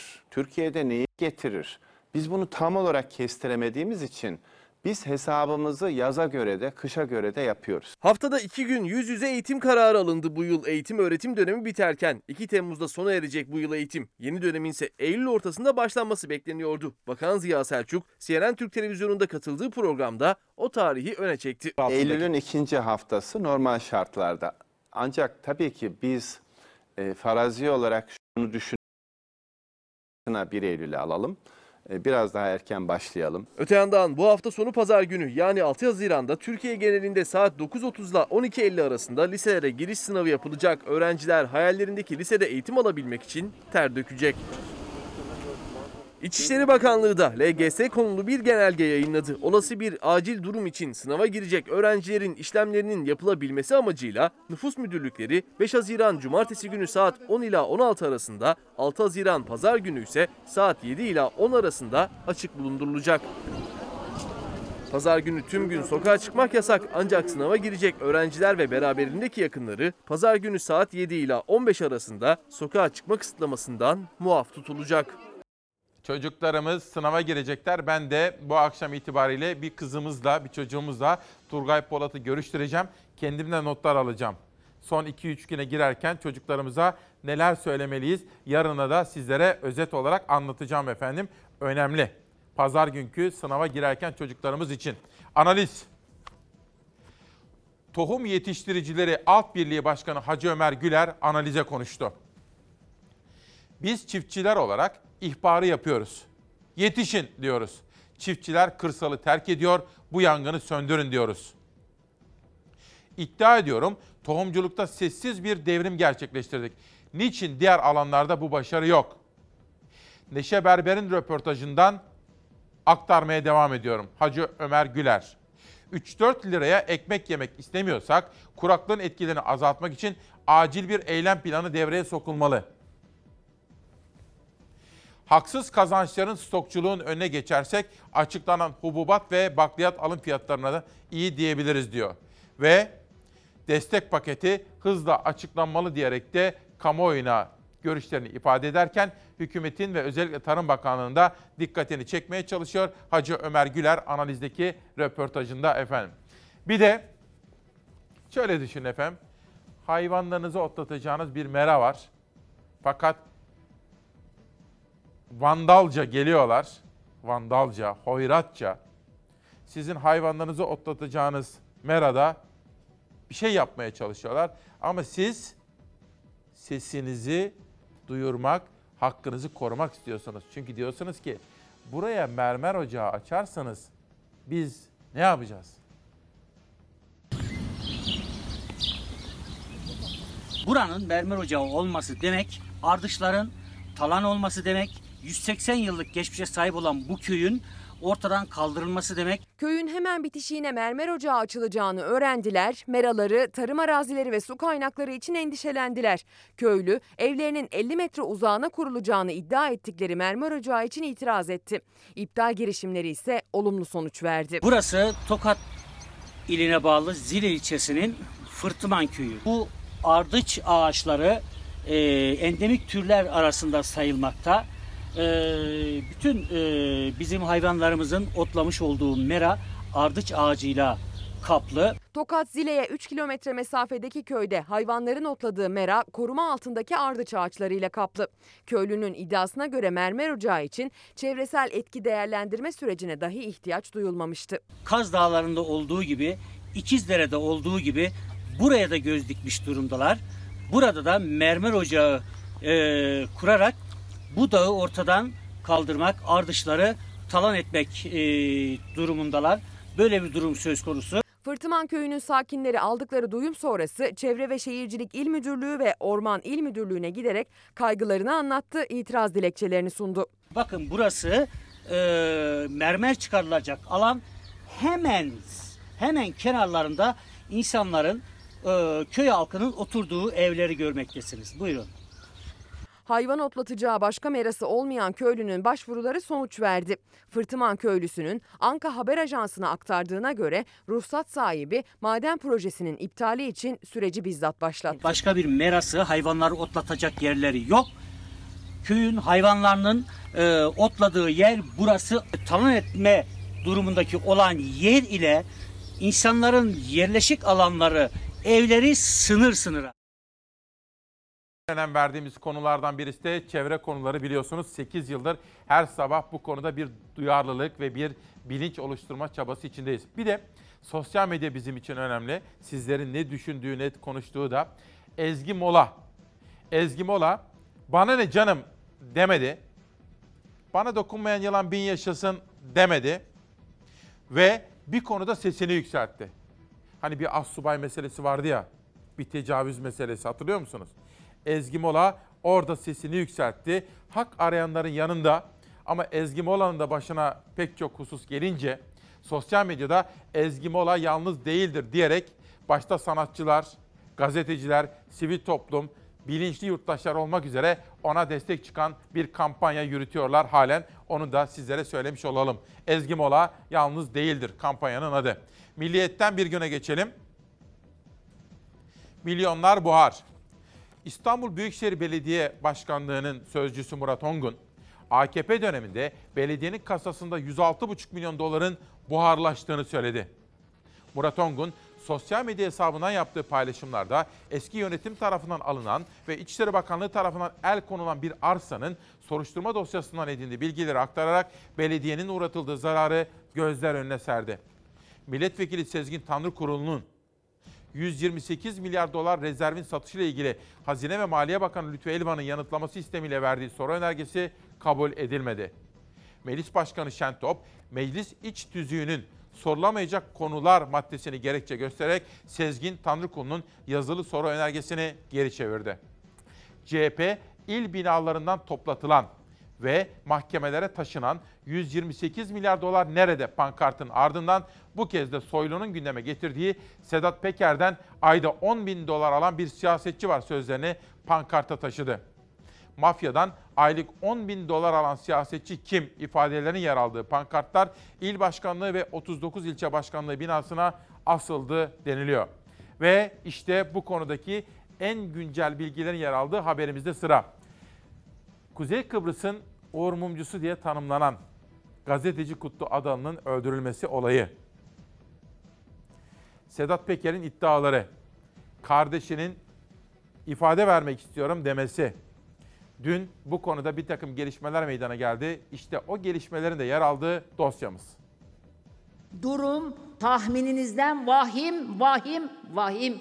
İçişleri Bakanı'nın kenara çekilmesinde fayda vardır. Terör örgütleri gibi suç örgütleriyle mücadelesinde de İçişleri Bakanımızın yanında olduk, yanındayız ve yanında olacağız. Sayın Soylu'ya sahip çıkıyorsunuz da, Sayın Soylu'nun alenen suçladığı Sayın Efkan Ala'ya, Sayın Selami Altınok'a niye sahip çıkmıyorsunuz? Süleyman Soylu'nun imtiyazı nedir arkadaşlar? Muhalefet iddialar vahim dedi. Yargının harekete geçmesi istenirken önce Bahçeli ardından Erdoğan'ın İçişleri Bakanı'na sahip çıkan açıklamalara görevden alın çağrısıyla karşılık verdi. Benim Sayın Süleyman Soylu'yla ilgili alerjik tutumum söz konusu değildir. Delilleri toplayacak kolluk gücünün rahatlatılması, adalet mekanizmasının gölgesiz işletilmesi için bu şarttır. Hukukun dışında bir iş yapmışsam yaptığım işin peşine takılması gereken savcılardır. İçişleri Bakanı buraya kadar pisliğe batmış. Değiştirecek. Küçük ortak yüzünden değiştiremiyorsun. Memleketi bu hale kim getirdi? Vay Kemal, vay Meral.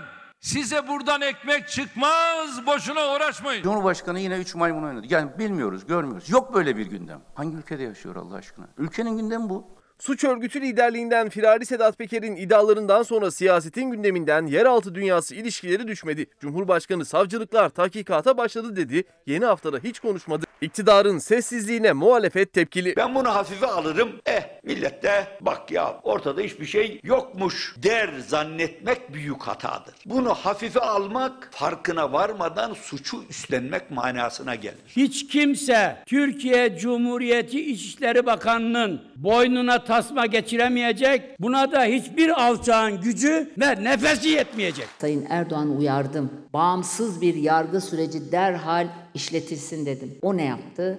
Küçük ortağın dolduruşuna geldi, gitti kefalet koydu. Sayın Erdoğan, bu işler öyle bir kişinin çıkıp ortaya kefalet koymasıyla olmaz. Devlet böyle yönetilmez. CHP mafya devlet ilişkilerinin boyutlarının belirlenmesi için araştırma komisyonu kurulmasını istedi. Mecliste iktidarla karşılıklı sesler yükseldi ama iddiaların araştırılması reddedildi. İçişleri Bakanı koruma veriyorsa, çakar veriyorsa, bu da İçişleri Bakanı'na sen benim dönüş üretim diyorsa bunlar vahim değil mi arkadaşlar? Bunlar araştırılmaz mı? Bir suç varsa lütfen gidin suç duyurusunda bulunun ve Cumhuriyet savcılarımız da bunu yapsın. Öte yandan Sedat Peker'in kardeşi Atilla Peker, Kıbrıslı gazeteci Kutlu Adalı cinayeti soruşturması kapsamında dün şüpheli sıfatıyla ifade verdi. Peker tasarlayarak adam öldürme suçundan adli kontrol tedbirleri uygulanması talebiyle nöbetçi hakimliğe sevk edildi. Nöbetçi mahkeme Atilla Peker hakkında yurt dışına çıkış yasağıyla belirli günlerde imza atmak adli kontrolleriyle serbest bırakılmasına karar verdi.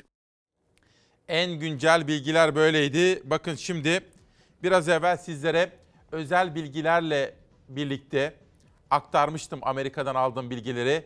Erdoğan'la Biden arasındaki görüşmeye ilişkin kulis bilgileri.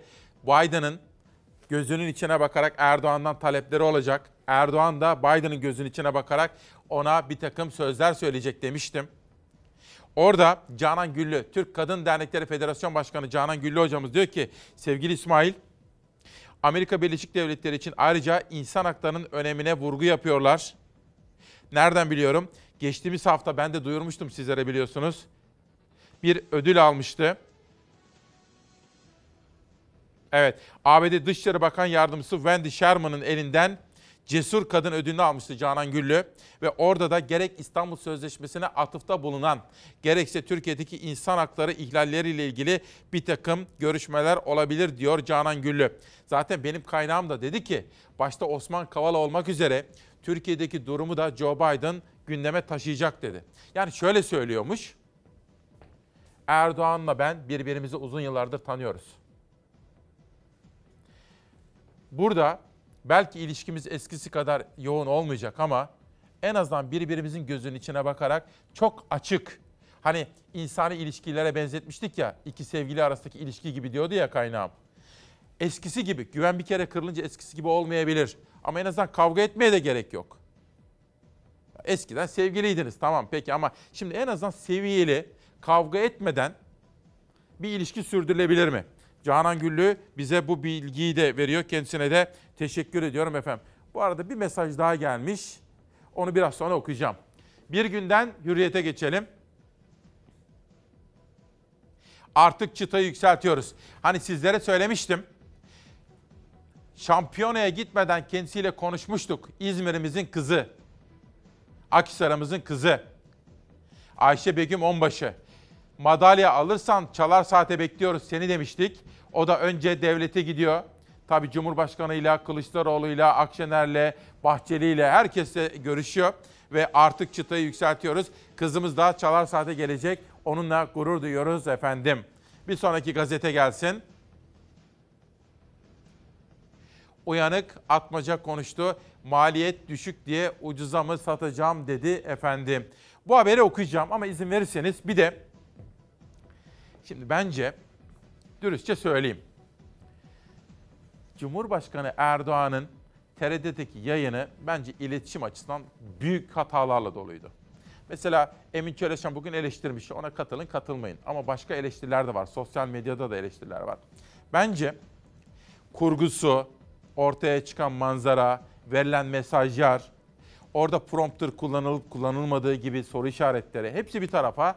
Ama mesela bence bir kere Merkez Bankası Başkanı ile ilgili söylenen sözler ve bunun ortaya çıkarttığı manzara hata. Bunu Cumhurbaşkanımızın iletişimle ilgili görevlileri düşünmeliler. Nerede hata yaptık ve yapmaktayız diye. İstenen etkiyi yaratmıyor. Bunu sorgulamalılar. Ya da mesela Cumhurbaşkanı Erdoğan'ın ben üçüncü doz aşımı yaptırdım.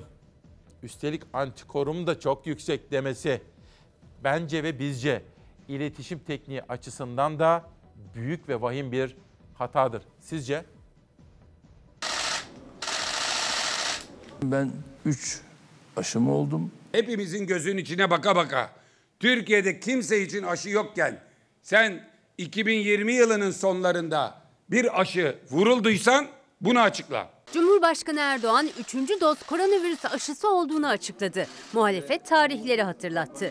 Milyonlarca kişi daha birinci dozu bile olamamışken gelen 3. doz açıklamasına muhalefet tepkiliydi. Ben 3 aşımı oldum ama bir de o 3 aşıdan sonra bir de antikor ne noktada yükseldi mi yükselmedi mi bununla ilgili adımı da attım. Hamdolsun 2160'ı yakaladım. Çok çok yüksek antikor dozlarının da ifade edildiği, adeta sağlık çalışanlarıyla alay edildiği o açıklamanın Sağlık Bakanı tarafından açıklanması gerekmektedir. Uzmanlar toplum bağışıklığı için nüfusun en az %60'ının yani 50 milyon kişinin aşılanması gerektiğini söylüyor. Sağlık Bakanlığı'nın verilerine göre ise iki doz aşısını yaptıranların sayısı 12 milyon 665 binde. Tek doz aşı olanlarda %20'lerde ama dünyada 75.yiz. Yani çok kötü bir durumdayız. Üçüncü doz ikinci dozdan 6 ay sonra yapılıyor. Cumhurbaşkanı Erdoğan'dan gelen üçüncü doz açıklaması üzerine muhalefet tarih karmaşasını gündeme getirdi. El altından aşı mı yaptırıldı iddiasını yineledi. Aralık ayında AKP'lilerin nüfuzlu kişilerin aşılanmaya başlandığını, el altından aşı yapıldığını gündeme getirdiğimizde belge göster demişlerdi. Oysa bunun belgesi olmazdı ve Cumhurbaşkanı 3. doz aşıyı olduğunu söyleyerek bir itirafta bulunmuş oldu. 14 Ocak'ta kameralar karşısında olmuştu aşısını Cumhurbaşkanı. İkinci dozu da 28 gün sonra. İddia bu hesaplamadan da yola çıkarak Erdoğan'ın ilk doz aşısını daha Türkiye'de aşı yokken yani 2020 Aralık ayında yaptırdığı yönünde. Şimdi olduğu ise ilk doz aşısını e, 2020 yılının son ayında olmuş olmalı en iyi ihtimalle. E, öyleyse Cumhurbaşkanı Türkiye'de aşılama programı başlamadan önce kimseye belli etmeden aşılanmış demektir. Benim sabah biz ekip arkadaşlarımla da konuştuk. Dün Nihal Kemaloğlu'yla da bunu konuştuk. Bence dedim Cumhurbaşkanının etrafında bu danışma mekanizmalarında çok ciddi bir sorun var. Yani herhalde ya haber akışı yok, bilgi akışı yok. Danışma mekanizmaları sorunlu. Hani eskiden olsa hani Abdullah Gül, Bülent Arınç, Cemil Çiçek işte ne bileyim daha eskiden Abdülhatif Şener onlarla falan konuşuyordu. Onlar ayrı. Ama bir de danışman ekipleri vardı eskiden. Şimdi bence oralarda bir sorun var bilemiyorum. Yanılıyorsam da yanıldığımı söyleyebilirler. Şimdi bir mesaj okuyacağım demiştim. Ece Tombul. Ha, yıllar evvel bizim Yusuf Hacı Süleyman turizm konusunda çok bilgisine güvendiğim bir isimdir. Belek'te bir konferans düzenlemişti. Ben de katılmıştım. O zaman yani bilmiyorum 8-9 sene önce. O zaman tanışmıştım Ece Tombul'la. Bakın diyor ki siz de bıkmadan usanmadan her sabah doğayı, toprağı, çevreyi, ülkeyi korumak için çırpınan bu insanların sesini duyuruyorsunuz. Kadınların yaşadığı sistematik zulümlerden, vandallıklardan sürekli bahsediyorsunuz. Biz de sizlere teşekkür ediyoruz diyor Ece Tombul. Ki Ece Hanım da o zamandan beri ben biliyorum işte tarım, turizm, toprak, ülke sevgisi, sanat, kültür bu konularda yatırım yapan bilinçli bir kadındır, bilinçli bir annedir. İki evlat yetiştirmiş Ece Tombul'a da teşekkür ediyorum. Görevimizi yerine getirmeye çalışıyoruz. Şimdi söz verdiğim o haberi okuyalım. Pencerenin manşeti. Uyanık atmaca konuştu. Maliyet düşük diye ucuza mı satacağım? Vay vay vay. Kiptaş'a yaptığı arsa satışı nedeniyle İstanbul Belediye Başkanı Ekrem İmamoğlu'nun eleştirilerinin hedefi olan Atmaca Grup Yönetim Kurulu Başkanı Adem Atmaca, Kiptaş'a bir değil iki arazi sattığını söyledi. Aferin, güzel. Kiptaş'ın kendisi için uygun müşteri olduğunu dile getiren Atmaca, benim araziye alış maliyetimin düşük olması benim bunu ucuza satmam anlamına gelmez ki dedi. İmamoğlu'nun uyanık dediği Atmaca, e ama İmamoğlu haklı çıkmış işte bu bunları okuyunca ne ortaya çıkıyor? Bu adam hakikaten uyanık. İmamoğlu'nun uyanık dediği Atmaca, arsanın satışının 4 gün sonra olması tesadüf mü yani? şeklindeki soruya hayır tabii ki. Kiptaş'la elimdeki arazi için anlaşmayı yaptım. Ardından da hemen kalan yarısını gittim aldım ki satışı yapabileyim yanıtını verdi. Habertürk'ten Esra Boğazlıyan'ın sorularını yanıtlayan Atmaca, benim Bahçeşehir'de hepsi yan yana 6 arazim vardı. Üçüne inşaat yapıp sattım. Birini başka birine sattım. İkisini de Kiptaş'a sattım. Yani Kiptaş'a bir değil iki arazi sattım dedi. Atmaca arazilerin toplamda 100 bin metrekareden fazla olduğunu belirterek Kiptaş'a sattığım 30 bin metrekarelik araziyi 2014 yılında aldım. Diğerinin de yarısını 2015'te aldım. Kalan yarısını almadım. Daha sonraki kararıma göre hareket edeceğim bir sistemde bıraktım. İşte Ekrem Bey'in bahsettiği arazi daha sonraki kararıma göre hareket edeceğim bir sistemde bıraktım dediğim arazi dedi. İmamoğlu'nun Kiptaş'a satıştan 4 gün önce alındığını söylediği araziyle ilgili de Atmaca, satıştan 4 gün önce alındı denilen arazi yarısını alıp yarısını almadığım arazi ifadesini kullandı.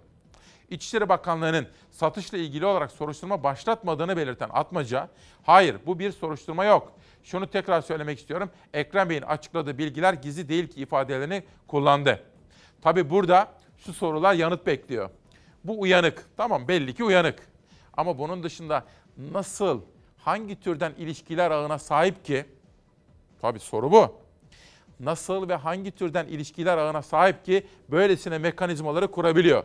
Ve işler tıkır tıkır tıkır yürüyor. Peki ben Türkiye Cumhuriyeti'nin uyanık olmayan ama dürüst yurttaşları vergisini ödüyor.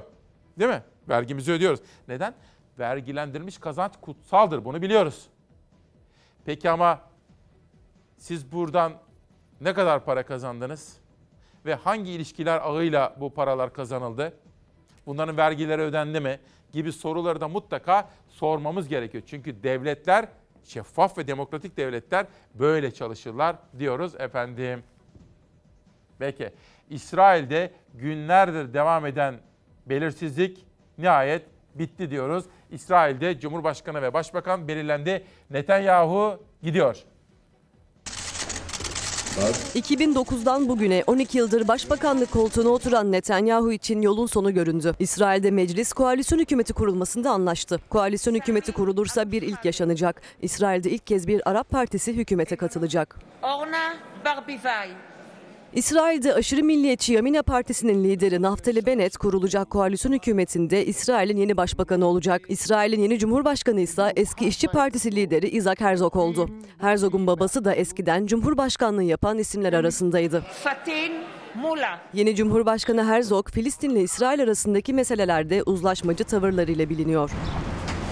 Gündemde ise bu fotoğraf var. İsrailli gazeteci Ansar Fefer paylaşımı için tarihi fotoğraf dedi. İlk kez bir Arap-İsrail Partisi ve Milliyetçi Parti liderlerinin anlaşma imzaladığını bu fotoğrafla duyurdu. Birleşik Arap Listesi lideri Mansur Abbas, yeni başbakan olacak Naftali Bennett ve koalisyonun kurucu ortaklarından Yair Lapid'le imza sırasında poz verdi. İsrail'de koalisyon hükümetinin kurulmasına kesin gözüyle bakılıyor. Hükümet için 61 milletvekiline ihtiyaç var. Koalisyona katılmaya karar veren tüm partilerle birlikte milletvekili sayısı 62'ye ulaşıyor. Bir de Soma söz verdik efendim. Hiçbir zaman unutmadık, unutmayacağız. Sözlerimizin peşinde olacağız. Çalarsat gazetesi. Evet, biraz evvel Türk bugün haber yapan üç arkadaşımdan bahsetmiştim. Danışmanım Nihal Kemaloğlu, ona teşekkür ediyorum. Editörüm Zeray Kınacı, çok çok teşekkür ediyorum ona da. Ve gazeteyi çizen arkadaşım Orkun Özgül, ona da teşekkür ediyorum. Tam da hayalini kurduğum gibi bir gazete yaptılar. Sağ olsunlar, var olsunlar. Yeniden Ankara'ya. Utanmadan, sıkılmadan bana söz veriyorsun, sözünde duracaksın. Ben sizden sadaka istemiyorum, hakkımı ver. Bu bir Türkiye Cumhuriyeti yurttaşının hak arama mücadelesindeki sözleri. Somalı madenciler 8 yıldır ödenmeyen tazminatları ile ilgili kendilerine verilen sözlerin tutulmadığını söylüyor. Madenciler hakları için tekrar Ankara'ya yürüyeceklerini duyurdu. Ben de bunu bir türlü anlayamıyorum. Türkiye Cumhuriyeti gibi bir ülkede nasıl olur da bir devlet yetkilisi çıkıp ya nasıl olabilir? Burası Patagonya mı kardeşim? Burada hak var, hukuk var, adalet var. Bir şey söyleyeceğim. Şimdi ben burada çalışıyorum ya şimdi. Fox'ta. Yarın burada çalışacağımın garantisi var mı? Yok. Peki yarın bir gün ben buradan ayrıldığım zaman diyelim beni işten kovsalar ya da ben ayrılsam ayrıl olabilir olabilir hayatta her şey. Peki neyle geçineceğim efendim? Diyelim işte bulamadım. Benim işte o zor günlerde harcamak üzere Çalışırken biriktirdiğim paralarım var. Tazminatım bunlardan biri, kıdem tazminatı. Peki bu ülkede bir işçinin kıdem tazminatını almasını sağlayacak mekanizma, hukuk sistemi neden yok? Ya bu ülkenin çalışma bakanı yok mu Allah aşkınıza bana söyler misiniz? Çok sevip saydığım hocamdır Vedat Bilgin geldi. Hocam bari siz el atın şu işe. Biz bugüne kadar seslendik. Somalı madencinin hakkı ödensin diyorum. Nereye geçeceğim? Şimdi dün akşam ana haber bültenimizi izledim. Ve dedim ki bunu akşam izledi herkes ama sabah bu haberi mutlaka sunmak istiyorum dedim. Çünkü meclisteki manzaranın siz Türkiye Cumhuriyeti vatandaşlarına bir mesajı var. Bakalım o mesajı alacak mısınız?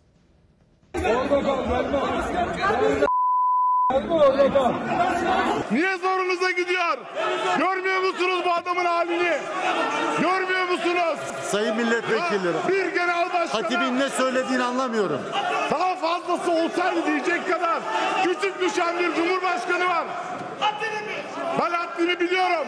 Haddini bilecek birisi varsa AKP grubu ve Recep Sayın milletvekili. Meclisin tansiyonunu yükselten vekillerin birbirinin üzerine yürüdüğü tartışma CHP Mersin Milletvekili Ali Mahir Başarır'ın ceza kanunundaki Cumhurbaşkanına hakaret suçunun yürürlükten kaldırılmasına ilişkin verdiği teklifin gerekçesini anlatırken alevlendi. İnsanlara iftira atan bir cumhurbaşkanı var.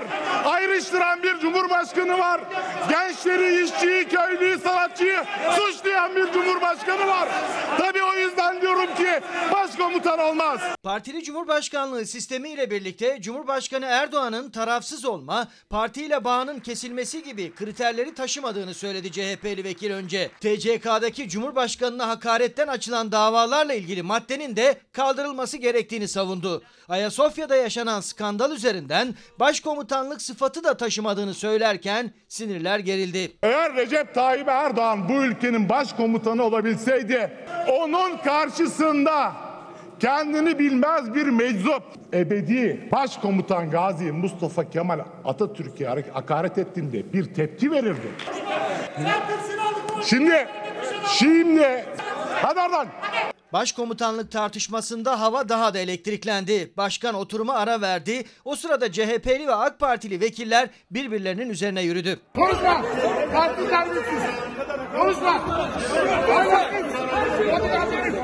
Yumrukların sıkıldığı, karşılıklı ağır ifadelerin kullanıldığı gerginlik sonrasında kanun teklifinin gündeme alınması reddedildi. Mesajı aldınız mı demiştim. Serpil Dudu bir Sivaslı o da bir genç anne aldım diyor. Demokrasi, demokrasi, demokrasi. Evet savunduğumuz değerler demokrasidir efendim. Ve kitaplar, kitap okuyacağız. Kendini hatırlayan insan Arzu Bıyıklıoğlu yazmış, imzalamış bana da nezaket göstermiş. Teşekkür ediyorum. Sağ olsun, var olsun. Bu kitabı da sizler için okudum. Neden? Sizlere anlatmak istiyordum. Çok şey duyup bildiğim, okuduğum. Nazım Hikmet bugün tam da onu saygıyla anıyoruz. Neden? Çünkü biraz Nazım'ı anlamamız gerekiyor bakın. Nazım Hikmet'le ilgili. Ve sırada güzel bir haber var. Benim yıllar evvel tanıştığım genç bir sinemacı. Geçtiğimiz günlerde Çağhan Özdemir, geçtiğimiz günlerde çok büyük bir sevinç yaşıyordu. Dünya çapındaki en prestijli ödüllerden Şangay Film Festivali'nde Altın Kadeh ödülüne belki de uzanacak. Kısa listeye kaldı. Bir haber hazırladık. Onu sizlere aktaracağım ama Nazım Hikmet biliyorsunuz Bursa'da uzun yıllar hapis yattı ve orada cezaevinde pek çok insanla ilişki kurdu, iletişim kurdu, yetiştirdi onları. Bursa'da yazdığı bir şiir. Oradan da habere geçeceğiz. Nazım Hikmet Karıma Mektup adlı şiirinde Bursa'da yazmıştır cezaevinde. Bir tanem, bir tanem. Son mektubunda başım sızıyor, yüreğim sersem diyorsun. Seni asarlarsa seni kaybedersem diyorsun. Seni asarlarsa seni kaybedersem diyorsun. Yaşayamam. Yaşarsın karıcığım, yaşarsın. Kara bir duman gibi dağılır hatıram rüzgarla.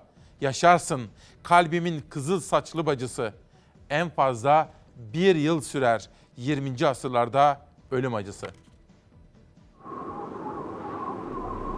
Türk yapımı Bembeyaz filmi dünyanın en prestijli sinema ödülleri arasında gösterilen Şangay Film Festivali'nde Altın Kadeh ödülü için yarışacak. Genç yönetmen Çağhan Özdemir yazıp yönettiği başrollerinde ünlü oyuncular Mert Fırat, Ece Çeşmioğlu ve İnanç Konukçu'nun olduğu Bembeyaz filmiyle uluslararası bir başarı yakaladı. 2019'da jüri başkanlığını Nuri Bilge Ceylan'ın yaptığı Şangay Film Festivali bu yıl 24. kez düzenlenecek. Yarışacak filmler arasında öne çıkan Türk yapımı Bembeyaz dünya premierini festivalde yapacak. Yönetmen Çağhan Özdemir, prestijli film festivali Şangay'da yer aldığı için duyduğu mutluluğu paylaştı. Shanghai International Film Festival in competition. Başrolünde Mert Fırat'ın yer aldığı Bembeyaz, 30'lu yaşlarında evli ve çocuklu bir adamın herkesten gizlediği sırrına odaklanıyor. Ve Nazım Hikmet diyoruz. Efendim reklamlardan sonra sizleri bir misafirimle tanıştıracağım. Sizler için Trakya'dan geldi, ta Çanakkale'den geldi. Bir hukuk insanıdır. Kendisiyle gündemi konuşmak ve hukuk perspektifini sizlerle tanıştırmak istiyorum. Hem de tam da Nazım Hikmet zamanında. Aydan Erdoğan, hırs, Franco'nun İspanyası bir ömürlük diktatör. Ve yeni Türkiye sinemasında sınıfsal görünümler Janet Barış'tan bir sinema kitabı. Bu da Çalarsat kitaplarındaki yerini alsın efendim. Ahmet Kaya'nın sesini, yorumunu sevdiğimi biliyorsunuz. Nazım Hikmet bizim dilimizin en büyük ustası. Bu memleket bizim diyor Nazım Hikmet. Öyledir. Bu memleket bizim. Saat 21'i vuranında Burada kan panalar çalardı. Burada Burada hasret ve dert. Sen neredeydin? Bugün Bugün görüş günümüz. Herkes geldi Sen neredeydin? Aynı daldaydık Aynı daldaydık. Aynı daldan düştük ayrıldık. Aramızda yüzyıllık zaman Yol yüzyıllık Aynı daldaydık, aynı daldaydık. Aynı daldan düştük ayrıldık. Aramızda yüzyıllık zaman Yol yüzyıllık Tam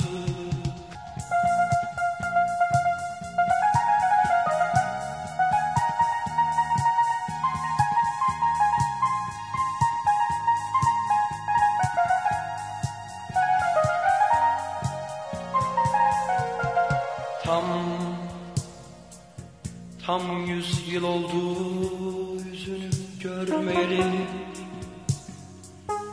Gözlerinin içinde durmayalı Dokunmayalı sıcaklığına karnının Tam yüz yıldır Bekler beni. Bu şehirde bir kadın dokunmayalı. Sıcaklığına karnının gözlerinin içine girmeyeli. Aynı daldaydık aynı daldaydık Aynı daldan düştük ayrıldık. Aramızda yüzyıllık zaman Yol yüzyıllık Aynı daldaydık aynı daldaydık. Aynı daldan düştük ayrıldık. Aramızda yüzyıllık zaman Yol yüzyıllık 3 Haziran özel bir sabahta günaydın efendim. Günlerden Perşembe 3 Haziran dediğimiz zaman büyük ozanımız Nazım Hikmet. Fakat sabah sizlere üzüntümü de paylaştım. Kültürümüzün, coğrafyamızın önemli bir insanı Hasan Saltık'ı da kaybettik. Biraz sonra bu konularda özel haberlerim olacak. Ama aynı zamanda bugün bu memleket bizim dedik. İsmail Küçükkaya Demokrasi Meydanı'nda ki şu dakikadan itibaren Savaş Yıldız yönetmen olarak bana yardımcı olacak.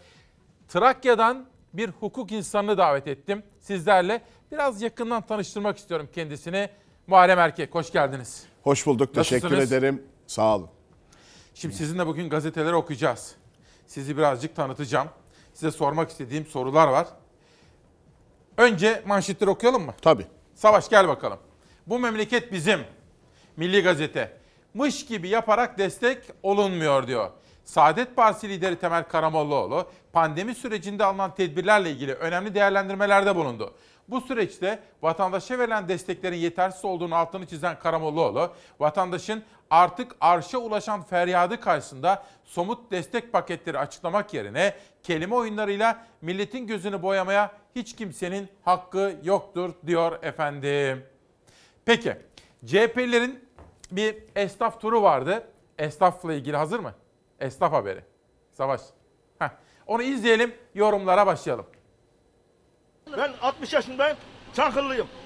Ama gölgelim esnaf var ya esnaf. Hiç. Amcacığım biz iktidar partisi değiliz. Bak hele, biz bütün- Cumhuriyet Halk ne olursa, Partisi olsun, ne olursa olsun. Ben ikti- her şey gördüm. Ha, Ben her şey gördüm. Bir iş yapmıyorsunuz. Kesinlikle söyleyeyim. Ben 260 milyon maaş alıyordum. Şimdi ben aldım maaş gidiyor. Bak Peki, eşim, haklısın bak hele eşim amcacığım. kanser hastası. CHP Genel Başkan Yardımcısı bir dokundu bin ah işitti. Ayakkabı boyacısı Çankırılı esnafa iktidar değil muhalefetin bir temsilcisi olduğunu anlatamadı. Karşısında yetkili gören esnaf derdini döktü. Şoförlerse üst üste gelen zamlara rağmen aldıkları ücretin zamlanmamasından şikayet etti. Mazot olmuş 1000 lira. 1000 lira bir seferde zam gelir mi ya? Yazık günah yani bu insanların tekeri var, şeyi var. 2,5 liraya hem de 3-4 senedir, 5 senedir 2,5 liraya yolcu taşıyoruz. %50 ile çalışan bu esnafın gerçekten e, durumu e, zor. Türkiye Esnaf ve Sanatkarlar Konfederasyonu Başkanı Bendevi Palandöken, şoför esnafının %50 kapasiteyle zaten gelir kaybına uğradığını hatırlattı. Kura endeksli tüm yedek parça ve lastik fiyatları arttı son yıllarda. Pandemi ise tuz biber oldu. Uzun zamandır müşterilerden aldığı ücrete zam alamayan Elazığlı minibüsçüler akaryakıt zammından da şikayet etti. Ev kiramız, kredi kartlarımız, hepsi gündelik telefon gelmeye başladı. E, eksiye düştük. Bir türlü çıkaramıyoruz yani. Yapılan destek e, pek fazla yeterli olmadı zaten. Yani tüm esnafın bir derdinin dinlenmesi lazım. CHP Genel Başkan Yardımcısı Gamze Akkuş İlgezdi ise Çankırı'da esnaf ziyaretindeydi. Kırtasiyecilere 5 milyar lira destek veriyoruz dediler ama biz limited şirket olduğumuz için bize vermiyorlar. E, 20 gün kapatma zamanında bize kapatıyorlar. Bize kredi öneriyorlar %18. Zaten ben krediyi aldıktan sonra giderim bankadan Değil mi? alırım. Hiç gerek yok ki efendim ya. Esnaf her fırsatta kredinin bir destekleme şekli olmadığından zaten verilen desteklerin de yetersiz olduğundan bahsetti. Gün gün zamlanan maliyet kalemleri altında ezilen şoförler de destek istedi. Her şeye günlük zam geliyor.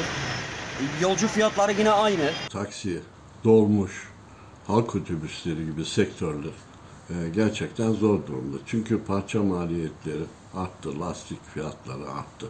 Dolayısıyla mazottaki fiyat artışları, benzindeki fiyat artışları da bunları etkiledi. Efendim Muharrem Erke'ye soralım. Siz Çanakkale milletvekilisiniz. Evet. Oradan yola çıkarak ama CHP liderinin talimatı var. Artık böyle dolaşıyorsunuz. Bir, bir, bir, bir buçuk yıldır görüyorum. Esnafın durumuyla başlayalım. Teşekkür ederim. Bu memleket bizim. Memleketin her köşesinde esnafımızla bir araya geliyoruz, buluşuyoruz. Dinliyoruz. Esnafımız niçin bu kadar zor durumda? Çünkü güçlü bir ekonomimiz olmadığı için. Merkez Bankası maalesef tam takır. Kasa bomboş olduğu için. Şimdi 128 milyar dolarımız Merkez Bankamızda olsaydı esnafımız bu mağduriyetlere sürüklenir, sürüklenir miydi? Şimdi güçlü sosyal devletlere bakalım. Güçlü ekonomilere bakalım. Mesela İngiltere milli gelirinin %16'sını sosyal destek olarak paylaştı vatandaşlarıyla. %16 milli gelirinin. Bizim milli gelirimiz güneşin altındaki kar gibi eriyor.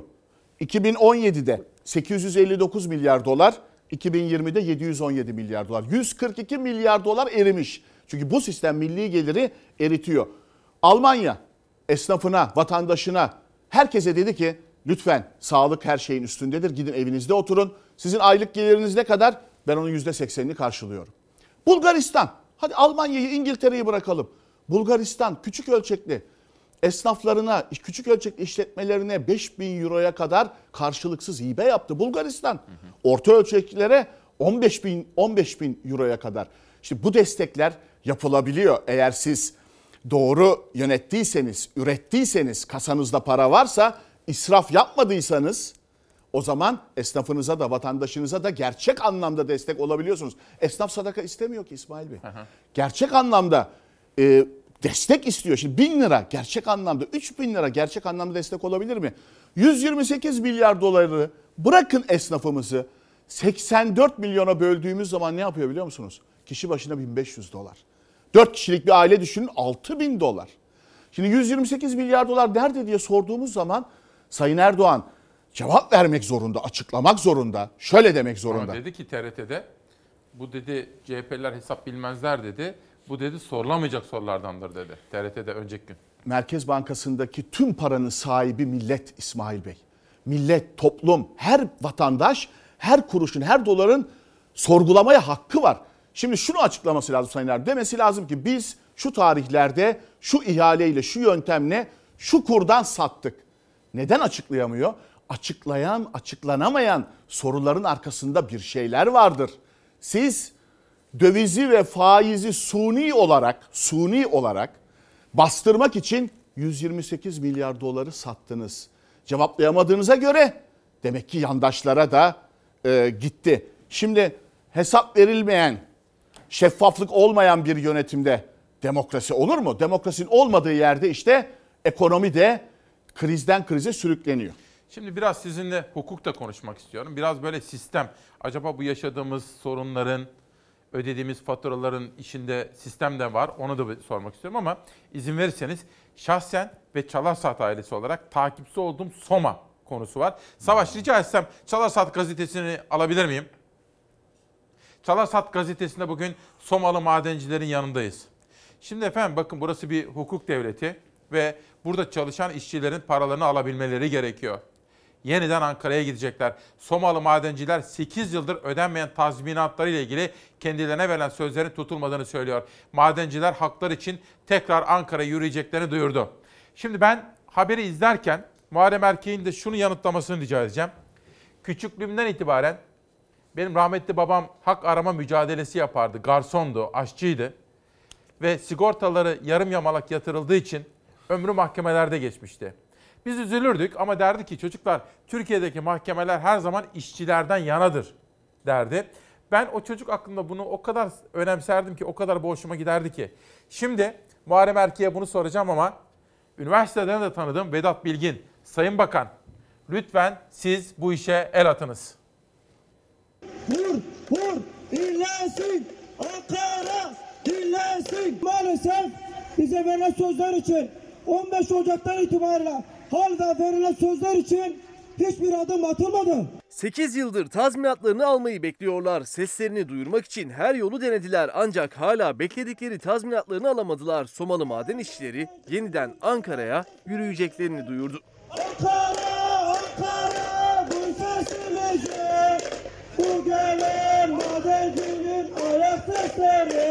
Manisa'nın Soma ilçesinde tazminat ve ücret alacakları için 8 yıldır direnen madenciler defalarca Ankara'ya yürümek istedi. Çok kez kolu kuvvetleri tarafından önleri kesildi, yürüyüşlerine izin verilmedi.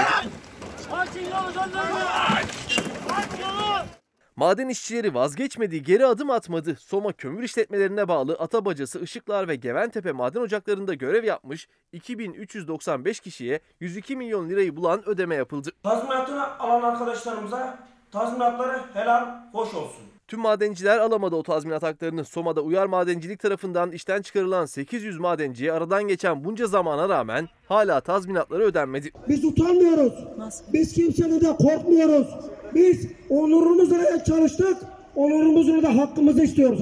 8 yıldır haklarını alamadıklarını söyleyen madenciler kendilerine verilen sözlerin tutulmadığını açıkladı. Yeniden Ankara'ya yürüyeceklerini duyurdu. Ankara,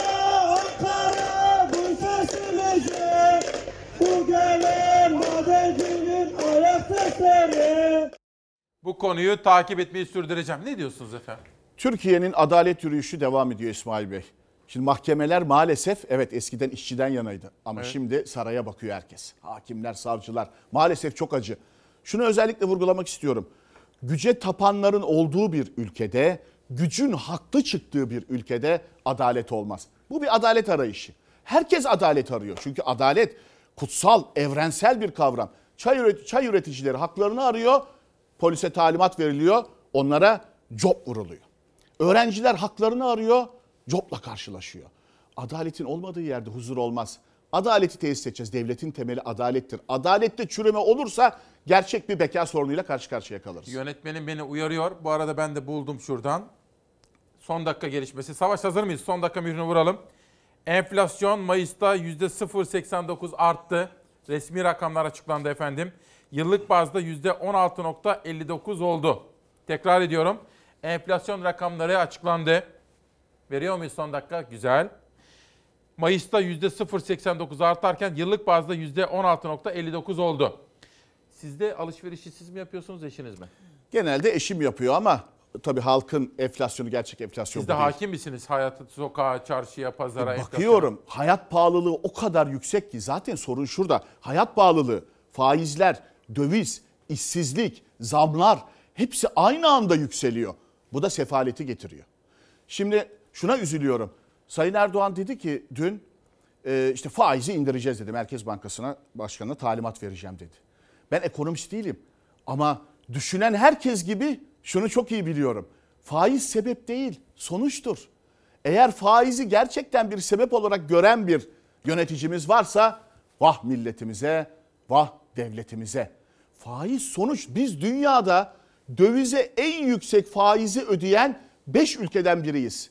Peki son 20 yılda yalnızca yurt dışına ne kadar faiz ödemişiz? 200 milyar dolar. Yalnızca yurt dışına yani faiz lobilerine çalışıyor 84 milyon. Bu büyük bir adaletsizlik. E, o enflasyon onun için yükseliyor. Hayat pahalı onun için yükseliyor. Faiz sonuç üretmediğiniz için, enflasyon olduğu için, doğru yönetmediğiniz için, israf yaptığınız için faiz yükseliyor. Ama maalesef tam bir basiretsizlikle karşı karşıyayız. Yönetmenimden Yeni Birlik gazetesini rica edeceğim. Şimdi Muharrem Bey siz her sabah bizi izliyorsunuz. Zaman zaman konuştuğumuz için biliyorum. Biraz sonra sizi biraz daha yakından tanıtacağım. Çünkü soranlar var. Fakat şöyle biz bir şeyi eleştirirken yapıcı ama net ifadelerle ve bir şeyi eleştirirken de çözüm önerisi. Ben buna tak takığım yani çözüm önerisi. Tabii. Şimdi bakın Adalet Bakanlığı dördüncü yargı paketi hazır. Yeni birlikte gördüm bu haberi size sormak istiyorum. Hükümetin dördüncü yargı paketinin ayrıntıları belli oldu. Adli kontrol şartı 2 yıl ile sınırlandırılacak. Karar 4 ayda bir gözden geçirilecek. Ev hapsinde geçirilen bir gün 2 gün sayılacak. Sonuç cezadan düşürülecek. 24 saat ifade alınabilecek. Keza Adalet Bakanı'nın defaatle yaptığı açıklamalardaki gibi tutuklama evrensel hukuk kurallarında olduğu üzere bizde de istisnai olmalı. Bunun üzerinde çalıştıklarını söylüyorlar. Yani en son başvurulacak yol tutuklama olmalı. Sistemi soracağım Muharrem Erke'ye. Haberi bir izleyelim. Acaba bu sistemden mi kaynaklanıyor? Ve eğer bütün yaşadıklarımız bu sistemden kaynaklanıyor ise Muharrem Erkek çıkış yolu olarak ne öneriyor? Artık parlamenter demokrasi bizim için mazi oldu. Türkiye Partili Cumhurbaşkanlığı sistemini daha fazla taşıyamıyor.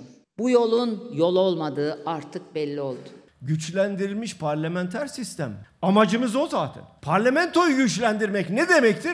Milli iradeyi güçlendirmek demektir. Siyasetin gündeminden düşmeyen başlık sistem tartışması. Cumhurbaşkanı Erdoğan'ın son kurduğu cümlelerse tartışmayı başka bir boyuta taşıdı. Erdoğan'ın demokrasinin olmazsa olmazı çok partili sistemle ilgili sözleri dikkat çekti. Türkiye gerçekten çok partili sistemden huzur bulamıyor. Çok partili sistemde Türkiye huzur bulmuyor diyor. Tek parti öneriyor. Dili suçluysa her dili suçluğunda paldır küldür önünüze çıkıp da düzeltme yapan Fahrettin Altun neden konuşmuyor?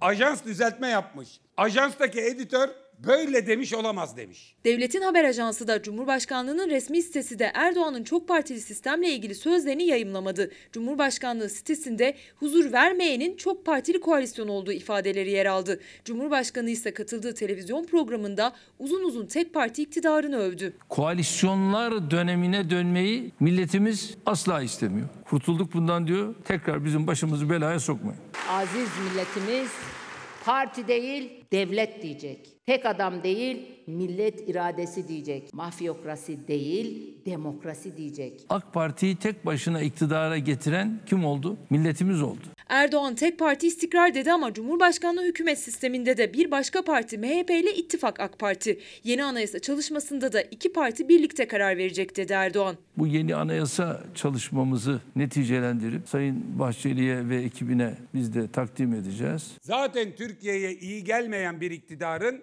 MHP ile temasıyla uğradığı mutasyon sonucu çok daha yıldırıcı, çok daha bezdirici hale gelmiştir. Varsın onlar yeni anayasa fantazileriyle kendilerini oyalasınlar. Er ya da geç o sandık gelecek ve bu iktidar gidecek. Erken seçim hemen her gün dillendirilirken siyasette de gerginlik daha da tırmanıyor. Gelin hanıma memleketim Rize'de gayet güzel bir ders veriliyor. Daha neler olacak neler. Sen daha dur. Senin deyiminle bunlar daha iyi günlerin. Milletin gerçekleriyle daha çok yüzleşeceksin. Peki bütün bu tartışmaları CHP'nin seçim ve hukuk işlerinden sorumlu Genel Başkan Yardımcısı Muharrem Erkek nasıl yorumluyor? Cumhur İttifakı Cumhurbaşkanlığı hükümet sistemine devam edeceğiz diyor. Aslında Cumhurbaşkanlığı hükümet diye bir sistem literatürde yok. Buna patronlu başkanlık sistemi diyorlar. Millet İttifakı ne diyor? Güçlendirilmiş parlamenter sistem. Ve bugün son araştırmaları gösteriyor ki Millet İttifakı mı Cumhur İttifakı mı 10 puana çıkmış fark. Objektif araştırmalar bunlar. Şimdi Sayın Erdoğan ilginç bir cümle kullandı. Parlamenter demokrasi mazide kaldı dedi. Parlamenter sistem demedi dikkat ederseniz. Demokrasi. Evet son dönemde demokrasi maalesef mazide kaldı. Ama biz parlamenter sistemi, güçlendirilmiş parlamenter sistemi mutlaka test edeceğiz. Şimdi bir, müsaadenizle bir tablo göstermek Lütfen. istiyorum. Lütfen. Hukukun üstünlüğü endeksi dünyada ilk 10 ülke. Hukukun üstünlüğü. Dünyada ilk 10 ülke. Danimarka, Norveç, Almanya, Kanada saymayayım hepsini. Tamamı parlamenter sistemle yönetiliyor. Tamam. Bu arada G8 ülkeleri, Gelişmiş ülkeler. gelişmiş ülkeler, İngiltere, Japonya, Kanada, Almanya hepsi parlamenter sistemle yönetiliyor. Dünya Mutluluk Endeksi. Dünya Mutluluk Endeksi ilk 10 ülke. Meclisin güçlü olduğu parlamenter sistemler. Biz biz nereye gideceğiz peki bu sistemle? Bakın bu sistemde devletle hükümet birbirine karıştı. Biz ne diyoruz? Devlet ayrı, hükümet ayrıdır. Bir parti genel başkanlığı yoluyla devlet yönetiliyor. Onun için sorunlarımız ağırlaşıyor. Bu sistem ne getiriyor biliyor musunuz? Ne getiriyor? 24 Haziran 2018'de bu sisteme geçtik. Millet yetkiyi verdi. Eylül 2018'de hemen bir Cumhurbaşkanlığı kararnamesi çıktı. Varlık Fonu'nun başkanı Erdoğan, başkan yardımcısı da damat Sayın Berat Albayrak oldu. Varlık Fonu'nun yani Türkiye'nin varlıkları orada. Bütün kitler orada. Kamu bankaları orada. Neredeyse merkezi bütçenin yüzde kırkı. Şimdi etik bir şey mi bu? Varlık fonunu, Türkiye'nin varlıklarını, milletin varlığını kayınpeder damat birlikte yönetiyorlar. Örtülü ödeneği kayınpeder damat birlikte kullanıyorlar. İşte bu sistem böyle bir sistem. Merkez Bankası boşanılıyor, vatandaş soramıyor. Siz ne öneriyorsunuz? Biz bakın biz ne öneriyoruz biliyor musunuz? Bir kere partiler üstü tarafsız bir cumhurbaşkanı. Devletin sigortası. Gerçek anlamda devleti ve milleti temsil edecek. Partiler üstü olacak. Onun dışında hükümetin genel siyasetini başbakan ve bakanlar kurulu belirleyecek. Meclise karşı bakanlar kurulu sorumlu olacak. Hükümet meclisin içinden çıkacak. Bu sistemde hükümet nerede? Bir kişi. Sorumlu mu meclise karşı? Yargıya karşı? Meclis görevini yapabiliyor mu? Yargı görevini yapabiliyor mu? Vesayet altında. Bu sistemi mutlaka değiştirmemiz lazım. Bu sistemle Türkiye freni patlamış kamyon gibi uçuruma Bir şey sürükleniyor. sorabilir miyim? Anlıyorum aslında. Ben şimdi mesela Meral Akşener'i dinlediğimde, Davutoğlu'nu, Babacan'ı, işte Sayın Kılıçdaroğlu'nu dinlediğimde ve sizleri dinlediğimde anlıyorum önerdiğinizi. Ama şunu izleyenlerim de merak ediyor olabilirler. Siz CHP'nin seçim işlerinden de sorumlu ve hukuk işlerinden de sorumlu genel başkan yardımcısınız. Bu söylediğiniz nasıl realize edilecek? Yani bu sistem değişikliği nasıl hayata geçirilecek? Çok teşekkür ediyorum. Bu çok önemli bir soru. Bunu herkes soruyor. Şimdi genel başkanımız da vurguluyor. Evet. Şu çok değerli. Cumhur İttifakı dışındaki tüm siyasi partiler hükümet sistemi konusunda uzlaştı. Güçlendirilmiş parlamenter sistemle. Tamam. İlk seçimde iktidar olacağız. Bunu çok samimi söylüyorum. Şimdi diyelim 2022 sonbaharında bir seçim ya da İktidar 2023 olacağız. diyelim. Millet İttifakı iktidar olacak. Peki oldunuz. Yeni seçilen Cumhurbaşkanıyla meclisteki partiler bir toplumsal uzlaşmayla yeni bir anayasa değişikliği hazırlanacak. Hükümet sistemi için çünkü anayasa değişikliği şart. Bağımsız tarafsız yargı için anayasa değişikliği Tamam. şart. Ana ilkelerimizi belirliyoruz biz şu anda.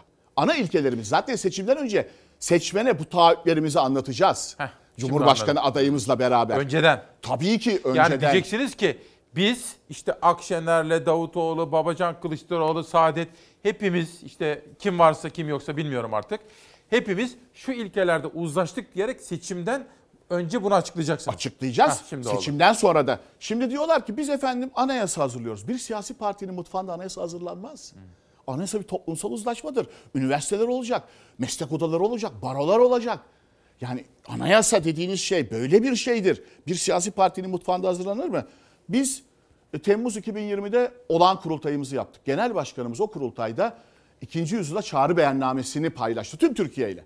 İşte bizim vizyon belgemiz bir bu. dakika, bir dakika. Yol Parti işine bu. girmeden. Tabii. Şimdi bir dakika. İddia ettiğiniz gibi olursa Millet İttifakı Akşener'le Davutoğlu, Kılıçdaroğlu, Babacan, Saadet hepiniz iktidara gelirseniz bir cumhurbaşkanı var. Anayasayı halkın onayına mı sunacaksınız? Tabii. tekrar? Nasıl olacak? Milletle beraber karar vereceğiz. Önce bir geniş katılımla toplumsal uzlaşmayla güçlendirilmiş parlamenter sistemi temel alan anayasa değişikliğini hazırlayacağız. Tamam.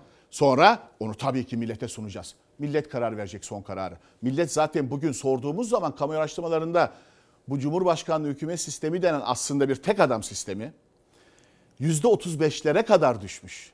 %30'lara kadar düşmüş güven. E nasıl güvensinler ki? Devlet, hükümet hepsi birbirine karışmış.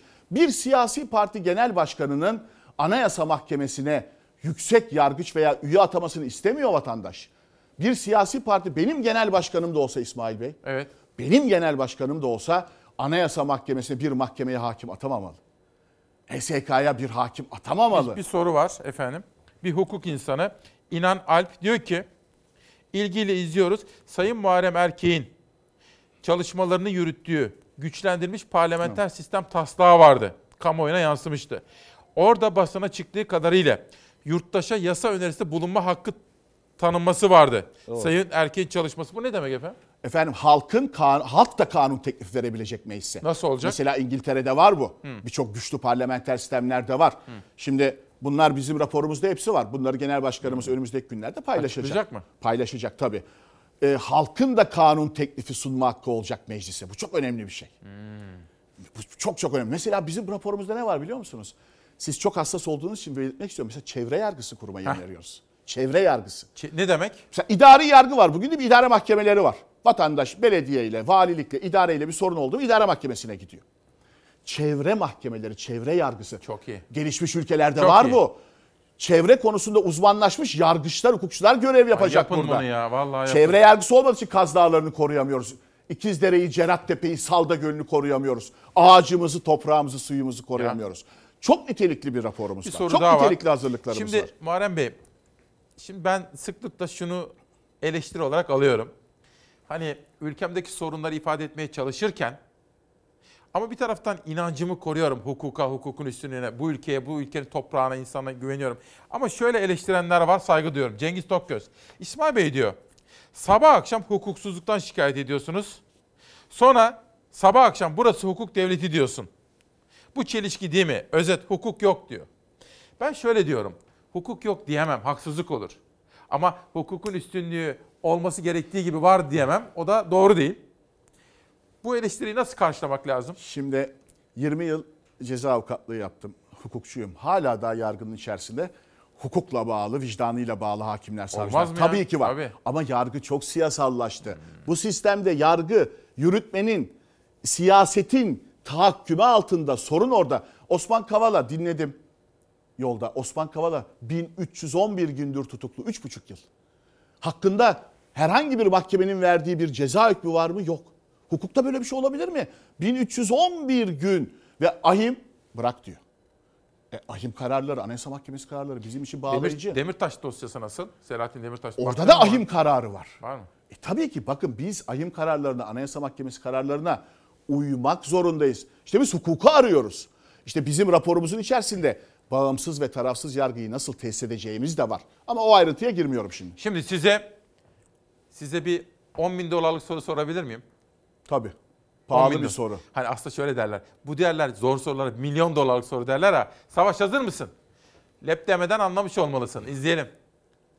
Ayda kime 10 bin dolar para gönderiyorsa hangi siyasetçiye oradan sorsun. Türkiye Büyük Millet Meclisi içerisinde hiçbir çeteden aldığı maaşın dışında bir maaşı alabilecek şerefsiz yoktur. O ben değilim diye. Sizden bir milletvekili mesaj atmış. Demek ki yarası olan gocunurmuş. Bu mecliste hiçbir milletvekili böyle yapacak şerefsiz değildir deyip sonra bir milletvekili niye aradı acaba? 10 bin dolar maaşa bağlanan siyasetçi kim araştırılsın önergesi tartışmalar arasında reddedildi mecliste. İkinci cephe ise CHP Şentop hattında açıldı.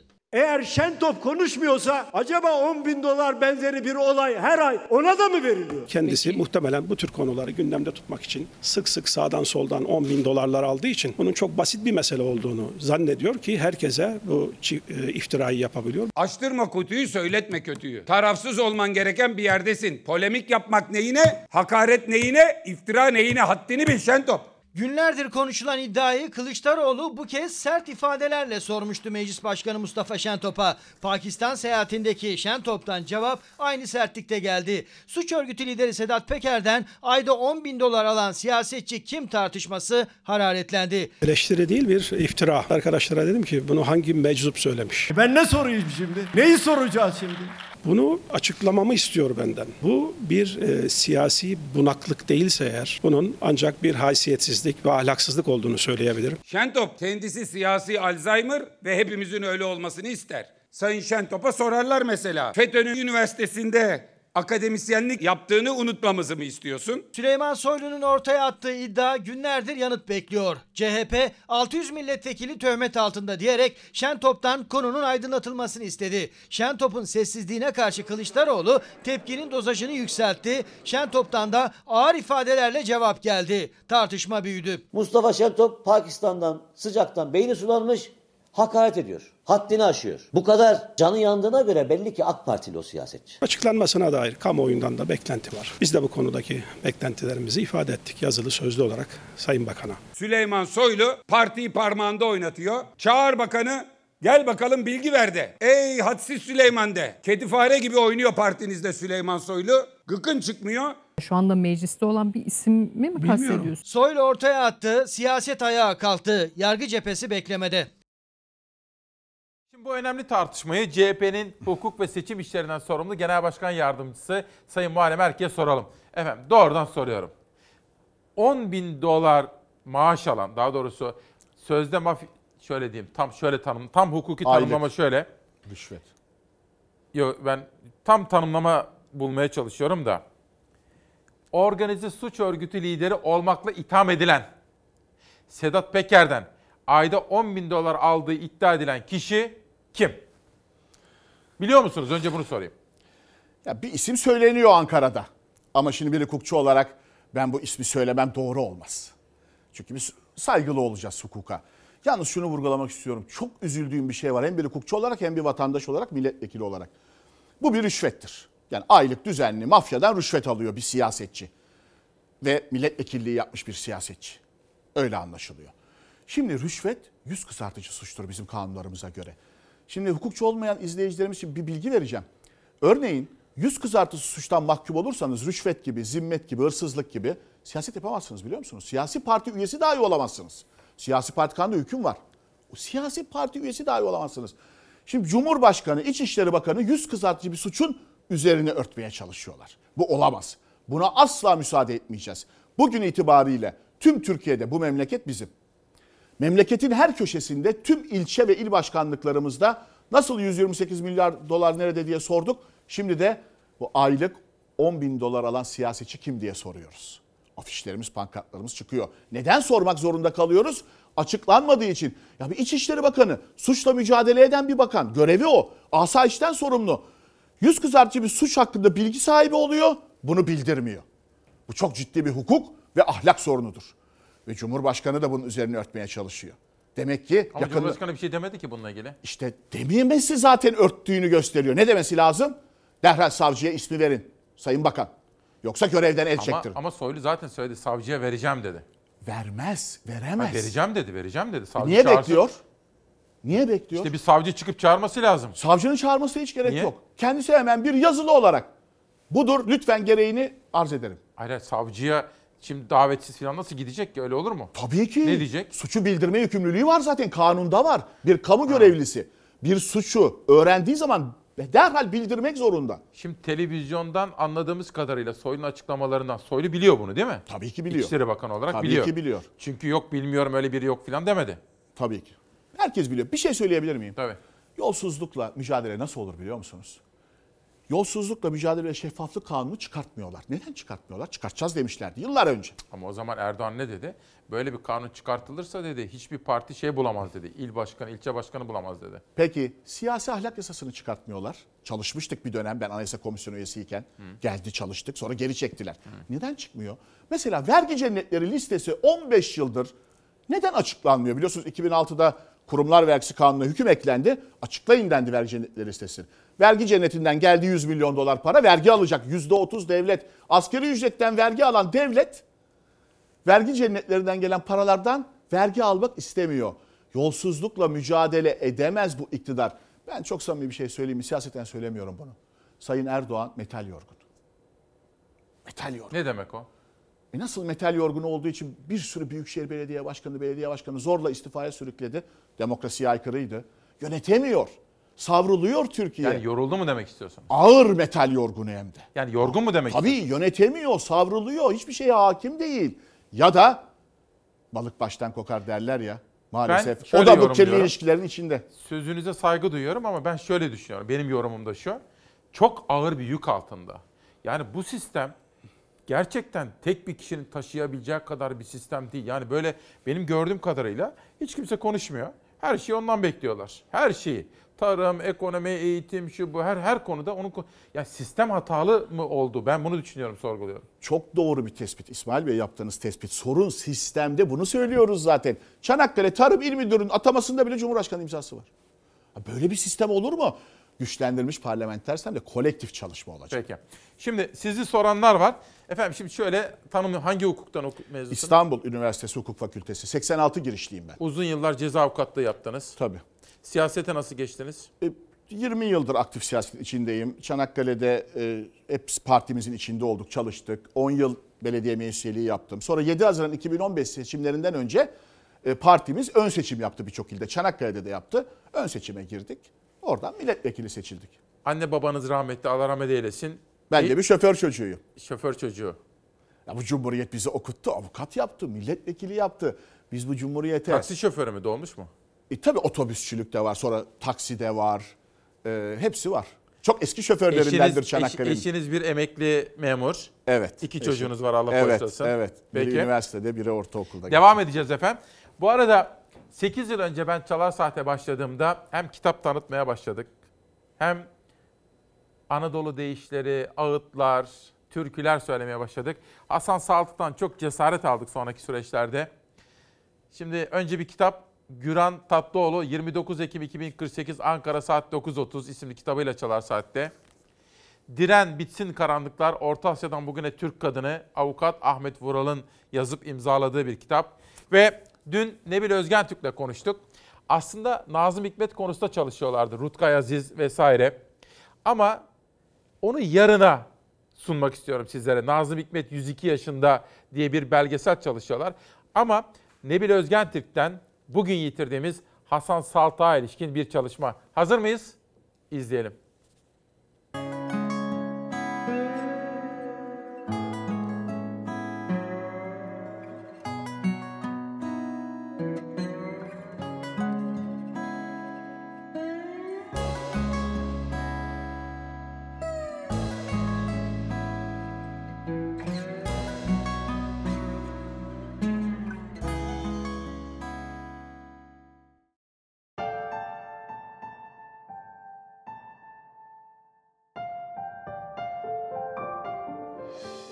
Anadolu'nun uzak, çok uzak yerlerinden birinde Hozat'ta doğup büyüdü Hasan Saltık.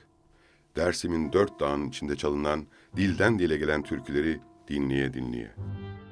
Zaten okuyan, okutan bir bölgeydi ki ortaokul yaşlarındaydı. Öğretmeni Martı benzeri klasik romanları okumasını öğütleyecekti Hasan'a ve arkadaşlarına. Okudu da tüm çocuklar gibi.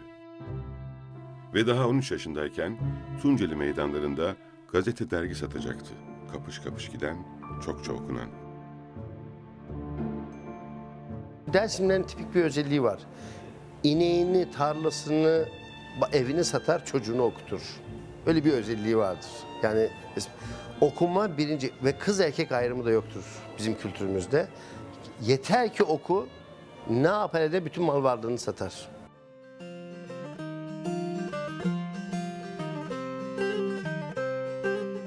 Hasan Saltık. İstanbul'u mesken tuttuğunda ilk durağı un kapanı olacaktı. Ama yolu da, müzik fikri de bambaşkaydı. Hep olmayanı, yapılmayanı yapmak isteyecekti. Yaptı da.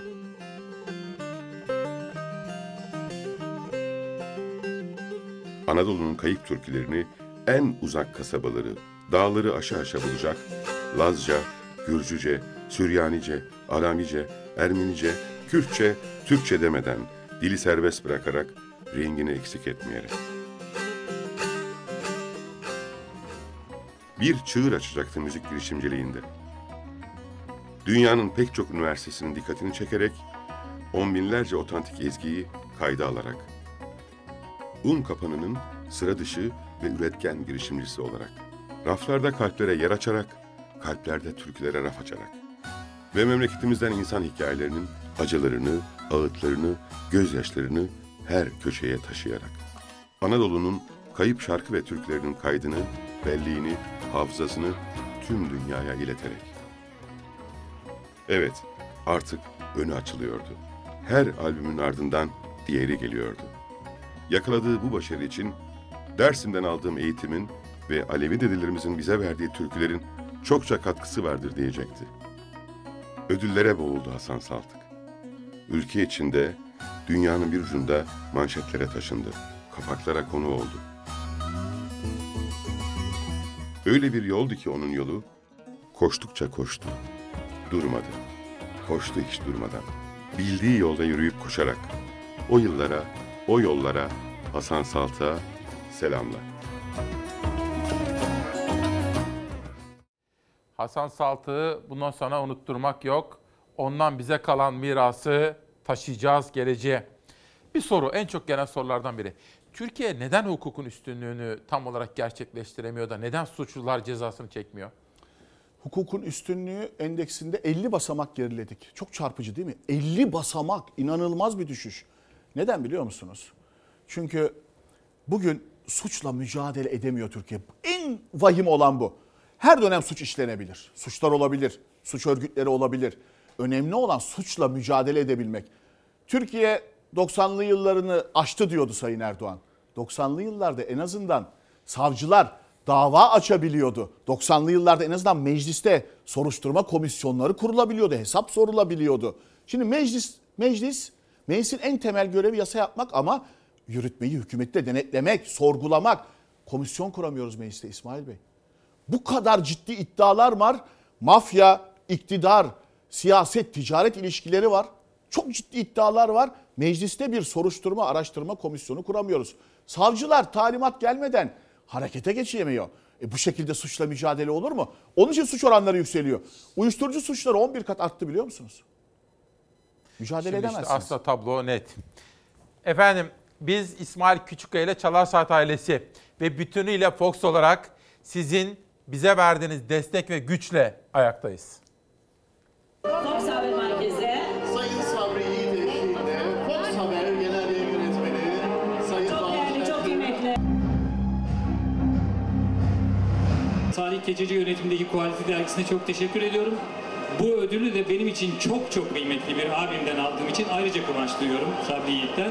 Tarafsız ve özgür haberciliğin adresi Fox ana habere bir ödül daha. Yeni normal dönemde ödül törenleri de düzenlenmeye başladı. Quality dergisinin verdiği en iyi haber bülteni ödülünü Fox Haber Genel Yayın Yönetmeni Doğan Şentürk aldı. Yeni normal koşullara koşulların ilk ödül töreni bu. Ee, özlemişiz. Her anlamda normalleşmemiz gerekiyor. Normalleşen bir Türkiye olması gerekiyor. Fox Haber Merkezi ödüllerine ödül katmaya devam etti. Her yıl verilen Quality dergisi ödüllerinin de sahibi oldu. Genel Yayın Yönetmeni Doğan Şentürk ödülünü iş adamı Sabri Yiğit'in elinden aldı. Sevgili Salih seni kutluyorum yürekten tebrik ediyorum. İyi ki varsın. Bu kadar sevenin, bu kadar candan dostum var. Doğan Şentürk, Fox Haber'in tarafsız haberciliğin adresi olmaya devam edeceğini söyledi. Her anlamda normalleşmemiz gerekiyor. Normalleşen bir Türkiye olması gerekiyor. Biz de bu normalleşme yolunda e, elimizden geleni yapmaya çalışıyoruz. Yapmaya da devam edeceğiz. Bu gurur sizin, Çalar Saat ailesinin ve bütünüyle Fox'un. Nedir bunlar? Eh, öncelikle şunu söyleyeyim. Çanakkale e, sizi çok seviyor. Neden? Siz Çanakkale'nin en önemli mücadelesi olan Kaz Dağları mücadelesine Tabii. destek de verdiniz. Annemle gittim oraya. Evet. Fazıl Say konser verirken. Değerli annenizle birlikte olduk. Onun elini öpme Tanıştık, fırsatını bulduk. E tabi Fox da özgür basını da temsil ediyor. İyi ki Türkiye'nin varsınız. kanalı burası, sağ ol. Bu e, sanatçı, seramik sanatçısı İhsan Ayat'a e, yapmış. Geleneksel at formu. Çanakkale biliyorsunuz seramik kent. Tabii. E, onu getirdim size. Teşekkür ediyoruz. Sağ olun. Bir de e, geleceğimi duyunca e, bir gazeteci Sayın Murat Kıray Çanakkale gravürleri. Biz Çanakkale gündemi ve diğer gazeteleri de alıyoruz yerel gazetelerden. Biliyorum, takip Evet, ediyorum. sağ Bu da 18. 19. yüzyıla ait Çanakkale gravürleri. teşekkürler. Bunu da size takdim etmek Eksik istiyorum. olmayın, sağ olun. Çanakkale e, tabii ülkemizin böyle batıya bakan Biz aydınlıkçısı. orada çok da yayınlar yaptık. Cumhuriyet'in ön sözünün yazıldığı topraklar. Ya, yani tabii. Gazi Mustafa Kemal Efsanedir orası. Gelibolu Yarımadası'nda doğdu. Tabii. Mustafa Kemal'i Mustafa Kemal yapan aslında Çanakkale'dir. Tabii ki, tabii ki. Çok teşekkür Şimdi ederim. en son sözü size bırakmak istiyorum. Sevgili Türkiye'm, siz de bana inanıyor musunuz? Güzel günler göreceğiz. Mavi günler. Güzel günler göreceğiz çocuklar. Güneşli günler göreceğiz. Motorları maviliklere süreceğiz çocuklar. Işıklı maviliklere süreceğiz. Açtık mıydı hele bir son vitesi? Adili devir motorun sesi. Uy çocuklar kim bilir ne harikuladedir. 300 kilometre giderken öpüşmesi. Hani şimdi bize cumaları, pazarları, çiçekli bahçeler vardır. Yalnız cumaları, yalnız pazarları. Hani şimdi biz bir peri masalı dinler gibi seyrederiz. Işıklı caddelerde mağazaları. Hani bunlar 77 katlı yekpare camdan mağazalardır. Hani şimdi biz haykırırız cevap kara kaplı kitap zindan kayış kopar kolumuzu kırılan kemik kan hani şimdi bizim soframıza haftada bir et gelir ve çocuklarımız işten eve sapsarı iskelet gelir hani şimdi biz inanın Güzel günler göreceğiz çocuklar. Güneşli günler göreceğiz. Motorları maviliklere süreceğiz. Çocuklar ışıklı maviliklere İşte bir sabahın 3 Haziran'ın öyküsü, rengi, ruhu, misafiri böyleydi. Bu memleket bizim dedik. Reklam arasında mesajlara baktım. İnsanımız yorgun, insanımız kırgın ama insanımız asla ve kata umutsuz değil. Son olarak ne söylemek istersiniz? Çok teşekkür ederim. Bu memleket bizim. 84 milyon barış içerisinde, huzur içerisinde kardeşçe yaşamak istiyoruz. Ve yaşayacağız. Çünkü bu memleketin her köşesinde demokrasiye, hukukun üstünlüğüne, eşitliğe, özgürlüğe, adalete inanan milyonlar var. O kadar çok ki birlikte başaracağız. Türkiye bu mevcut tabloyu hak etmiyor. Bunu değiştireceğiz. Güzel günler göreceğiz. Bugün 3 Haziran. Nazım Hikmet'i ben de büyük bir saygıyla anıyorum ve onunla bitirmek istiyorum. Lütfen. Müsaade ederseniz. Ve güneş doğarken hiç umut yok mu? Umut, umut, umut. Umut insanda. Umut insanda ne kadar güzel değil mi?